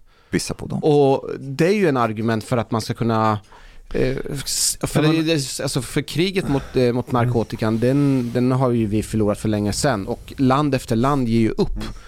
Nej, men, återigen, jag, är, jag tycker att det finns all anledning att föra en diskussion kring legalisering, även om jag personligen är emot. Eh, och det skulle man, precis de argumenten som du Arkan har fört fram, men hur, kommer, kommer vi minska de kriminella grupperingarnas eh, f- ja, men finansiering, tillgång Mm. till pengar? Ja, kanske. Jag är inte säker på att det blir jättemycket för att man kan också skapa, men det är också ett globalt perspektiv på det. Skulle cannabis varit lagligt överallt, då minskar incitamentet att handla med cannabis vid gränszoner och annat som, som gör att man kanske, en legalisering i Sverige kanske skulle till viss del förenkla även kriminella grupperingars supply chains och sen eh, skulle man kunna dra nytta av det genom att sälja i, i Norge, i I Danmark. Norge har de ju ändrat lagarna så att det är lagligt att... Ja, de håller på. Nej, De, de har försökt. De har Det, försökt. det går inte igenom. Nej, okej. Nej, men det, och, I Tyskland och, och vad gäller snart. arbetet mot eh, ringa narkotikabrott så ja visst i den, i den eh, man kanske skulle, alltså nu är det inte så att vi som poliser tänker nu ska vi ut och ta en cannabisrökare liksom, utan man, man jobbar polisiärt i allmänhet mot, eh, med ordningshållning, eh, mot eh, illegala droger, mot vapen och stöter på någonting, alltså när man, när man jobbar riktat mot någonting så är det handeln. Liksom. Mm. Men stöter man på en person som luktar cannabis, ja men då pissar man av honom. Om- Jag har en fråga. Inom åren så har jag stött på kollegor, alltså när den här diskussionen kommer upp, eh, så brukar man säga, men vi har varit på studiebesök i Amsterdam, eh, eller att de har kommit hit, eh, kollegor därifrån. Och så har de hållit in oss föreläsning om att det har inte alls gått bra i Amsterdam. Eh, eller i andra delar av världen. Och så till och med polisen där säger, eh, säger så. Hur stor är chansen att Polismyndigheten skulle ta in poliser från Vancouver eller Holland eller andra delar av världen som kommer med ett budskap om att i deras område så funkar det jättebra med legalisering. Skulle Polismyndigheten vara öppna för en sån föreläsning? Du, det är jag kanske fel person att svara på, men, men jag tänker att om de som förespråkar legalisering har kontakt med poliser som har jobbat i länder där man har legaliserat som ger en bild av att shit, vad, alltså det, vi, det här blev ett hårt slag mot vår eh, organiserade brottslighet. Gängen fick mindre pengar. Eh, vi skulle verkligen rekommendera andra länder att följa efter. Så fan, ta, dit, ta hit dem, liksom. så lyssna ju på dem också. Just det, Det behöver ju inte här- polisen göra, alltså inte, polisen behöver ju inte driva den diskussionen utan det kan ju vilken eh, organisation eller parti som helst bjuda in en sån person eller flera sådana personer för att de då ska få komma med sitt bidrag till debatten. Mm.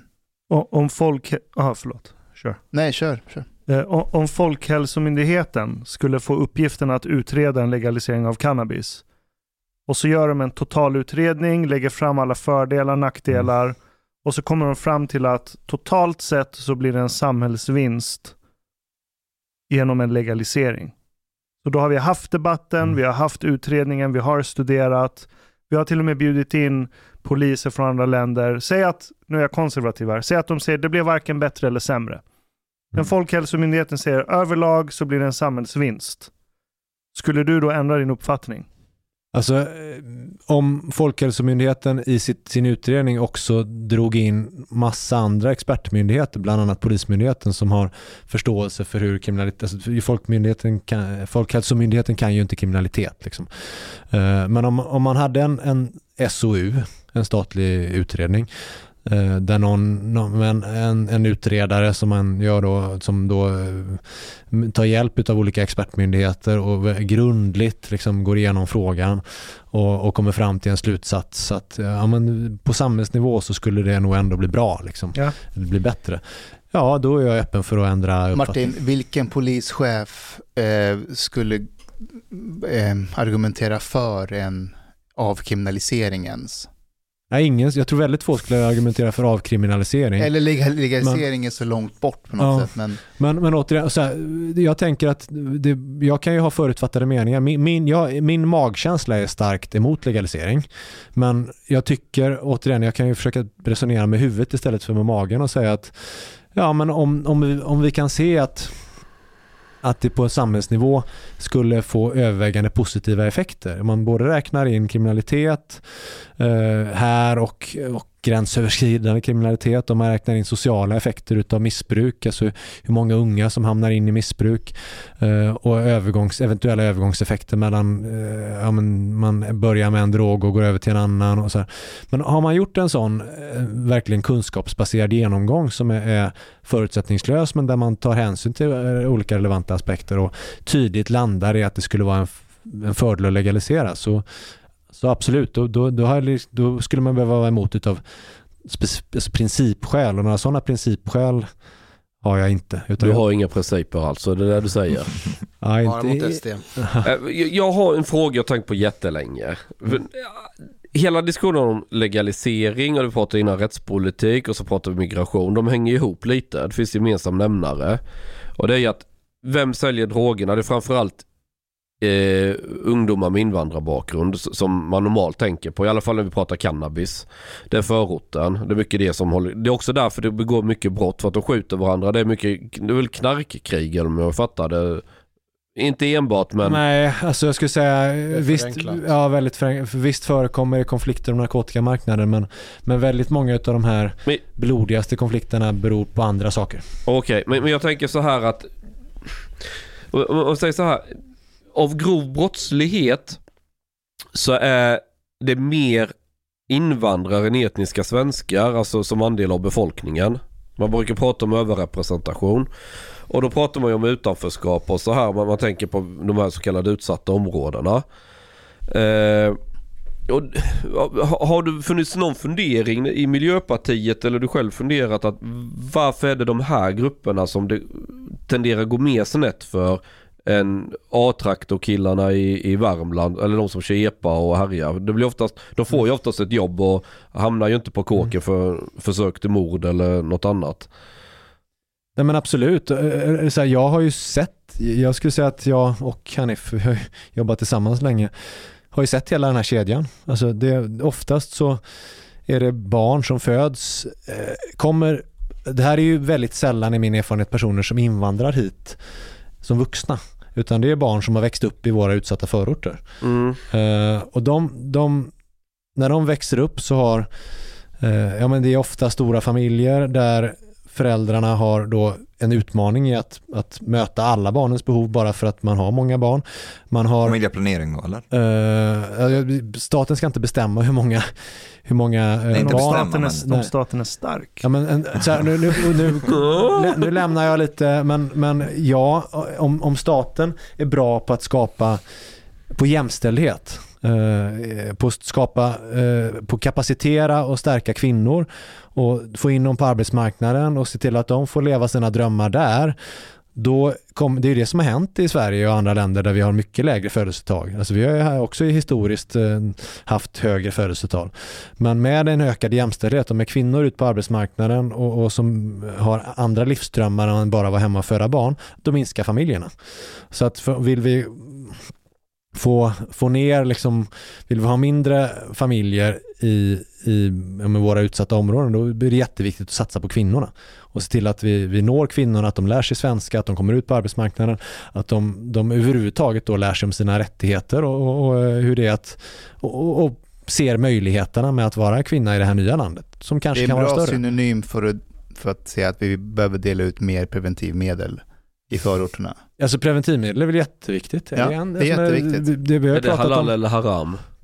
Det är eh, halal faktiskt. Ja. I, Det är- men- I Iran är det halal. Det, det är mycket, Sverige, vi pratade bistånd förut, Sverige har ju väldigt mycket varit inne på men hur viktigt det är att stärka kvinnors sexuella och reproduktiva hälsa när man bedriver biståndsverksamhet. Eh, och, och det handlar ju om att, Utomlands. utomlands och det handlar ju om att kapacitera kvinnor.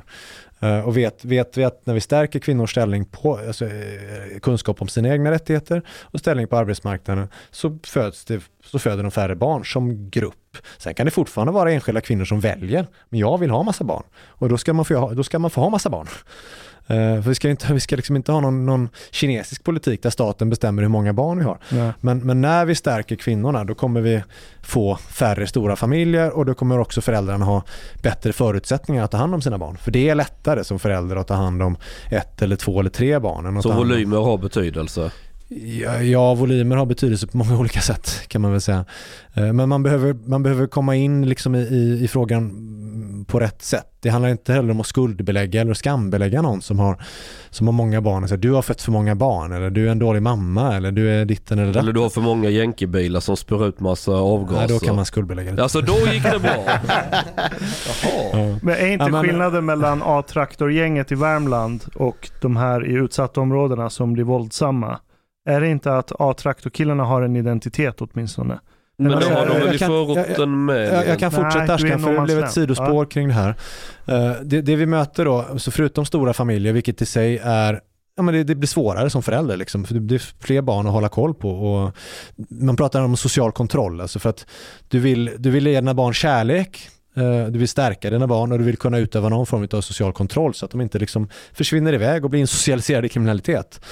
Eh, och då behöver vi möta föräldrar, alltså, om, man, om man då har föräldrar som inte har någon förankring i samhället, som inte pratar svenska, som inte vet liksom hur, hur, hur samhället fungerar, som dessutom ganska tidigt får höra, du får inte slå dina barn. Du kommer från ett land där det, men du, det, det kanske man har uppfattat någonstans, för då kan du bli polisanmäld och du kan bli orosanmäld till socialtjänsten och då kommer socialtjänsten att ta barnen. Men du får ingen nyansering på det, så du tror att du får inte röra alltså, dina barn överhuvudtaget. Du tror att, att barnen kommer när de blir gamla nog ganska snabbt att förstärka de myterna och säga att om du Eh, om du stoppar mig från att gå ut med, och hänga med mina kompisar på torget, mm, tioårig kille, eller om, om du hindrar mig från att gå till Kista galleria nu, en tolvårig tjej och stanna, komma hem vid klockan tolv på natten, då, då polisanmäler jag dig, eller då, då anmäler jag dig till socialtjänsten. Och så tror man som förälder att det är så. så man, man blir så eh, totalt eh, vad ska man säga, tillintetgjord eller, eller bakbunden eh, eller av, alltså man blir av med all sin föräldraförmåga och föräldraauktoritet för att man inte vet hur det funkar i det nya landet. Man har hört en liten bit som förvisso är sann. Vi, vi slår, vi, man får inte slå barn i Sverige, det är aldrig okej Okay och fysiskt straffa barn för att straffa. Men jag vet inte hur många gånger jag och Hanif, vi har gjort det här tillsammans, varit och sagt till föräldrar att det är klart att du får ta tag i ditt barn om barnet är på väg att springa ut på torget och hänga med knarklangare. Och du vet att det är en jättedestruktiv nivå, eh, miljö som i slutändan kan leda till att ditt barn dras in i kriminalitet och skjuter någon eller skjuts. Du får stänga dörren, du får ta tag i barnet, du får, får gå ut på torget och ta tag i barnet och slita tillbaka barnet hem. Tvärtom, tvärtom, det är inte så att du inte får det, tvärtom det förväntas av dig att du som förälder är en auktoritet, att du bestämmer. Du, du, det är du som förälder som bestämmer vilken miljö som är frisk för ditt barn eller inte. Så att möter man tidigt så tydliga exempel på att man inte vet hur det är att vara förälder i Sverige. Eh, man har inte verktygen, man har inte sammanhangen, man är rädd för socialtjänsten så när det börjar gå fel då döljer man problemen istället för att söka hjälp. Eh, man, när man ändå blir orosanmäld och blir erbjuden hjälp då är man så rädd för socialtjänsten för att de ska ta barn och grejer så att man säger nej, man tackar nej till hjälpen. Eh, och så går det längre och längre och längre och sen till slut kanske någon då LVUas eller så dras man in i, i, hinner man dras in i kriminalitet. Det här är bara då, alltså faktorer kring, riskfaktorer kring familjer som växer upp med ett kraftigt utanförskap. Lägg där på en miljö där du, förutom att du är trångbodd, vilket innebär att du kan inte ha alla barnen ut, i lägenheten och man kan inte hänga hemma hos kompisen och spela tv-spel för att han har det lika trångbott. Utan man hänger ute. Och vilka finns ute på gården? I Rinkeby, i Tensta, i Husby, i Vivalla, i, i eh, Rosengård, i, i eh, Hammarkullen. Det är ju inte alla de killar och tjejer som växer upp i de här områdena och klarar skolan, eh, går på universitetet, får jobb som, som ingenjör eller läkare eller, eh, eller för all del startar ett företag eller gör något helt annat. Eh, utan det är ju de som hänger där för att de har valt, de har inte av olika anledningar då hamnat på eller valt en annan bana. De säljer narkotika eller de eh, står utanför samhället. Och, och, så om du då redan hade riskfaktorer i ditt hem där föräldrarna har, har, eh, för få verktyg eh, i sitt föräldraskap eh, och svårt att, utöva, ge stöd, utöva kontroll, sätta gränser eller, eller stötta liksom på, på, eh, i att vara förälder i Sverige. Och du dessutom befinner dig i ett område när, när barnen kliver ut genom dörren så finns det eh, gäng, alltså, ungdomar med grovt kriminell identitet som kanske säljer narkotika som som då blir auktoriteter, eh, förebilder, eh, kultursättare för de här barnen. Som då kanske också har svårare i skolan för att man, man, eh, man kommer sent in i förskolan, man, man kommer senare förs, eh, språkutveckling, man kanske dessutom har någon neuropsykiatrisk eh, problem som man skulle ha behövt stöd med tidigt som ingen har identifierat för att man har inte kontakterna in med vården och man, föräldrarna har inte heller rätt förmåga att söka eller be om hjälp. Liksom. Och så har, har man en miljö där, där du har en, en, en, möjlighet till en identitet som är bejakande. Liksom, där du, eh, en, en då kanske destruktiv machoidentitet som bygger på utanförskap och kriminalitet och, och, och, och våld och annat. Eh, men det är klart att, att bland alla de här faktorerna eh, så i, i en samverkan så, så kommer du att skapa en, en mix som ökar risken dramatiskt för att killen, den unga, för det är i princip alltid grabbar då, eh, som växer upp i eh, en familj i Rinkeby jämfört med A-traktorkillen som växer upp i, i, på landsbygden någonstans utanför Åmål, liksom, faktiskt hamnar in i miljöer där, där han får ett vapen i handen. Hej på dig, min vän. Lyssna på mig nu. Du är mycket fin människa. Du har betalat biljett på klubbzista måltid. En mycket fin radioprogram i Sverige. Tak ware dejso ardiet moilikt for grabarna at trzopa kafe late ute potoriet. Betalar kningar.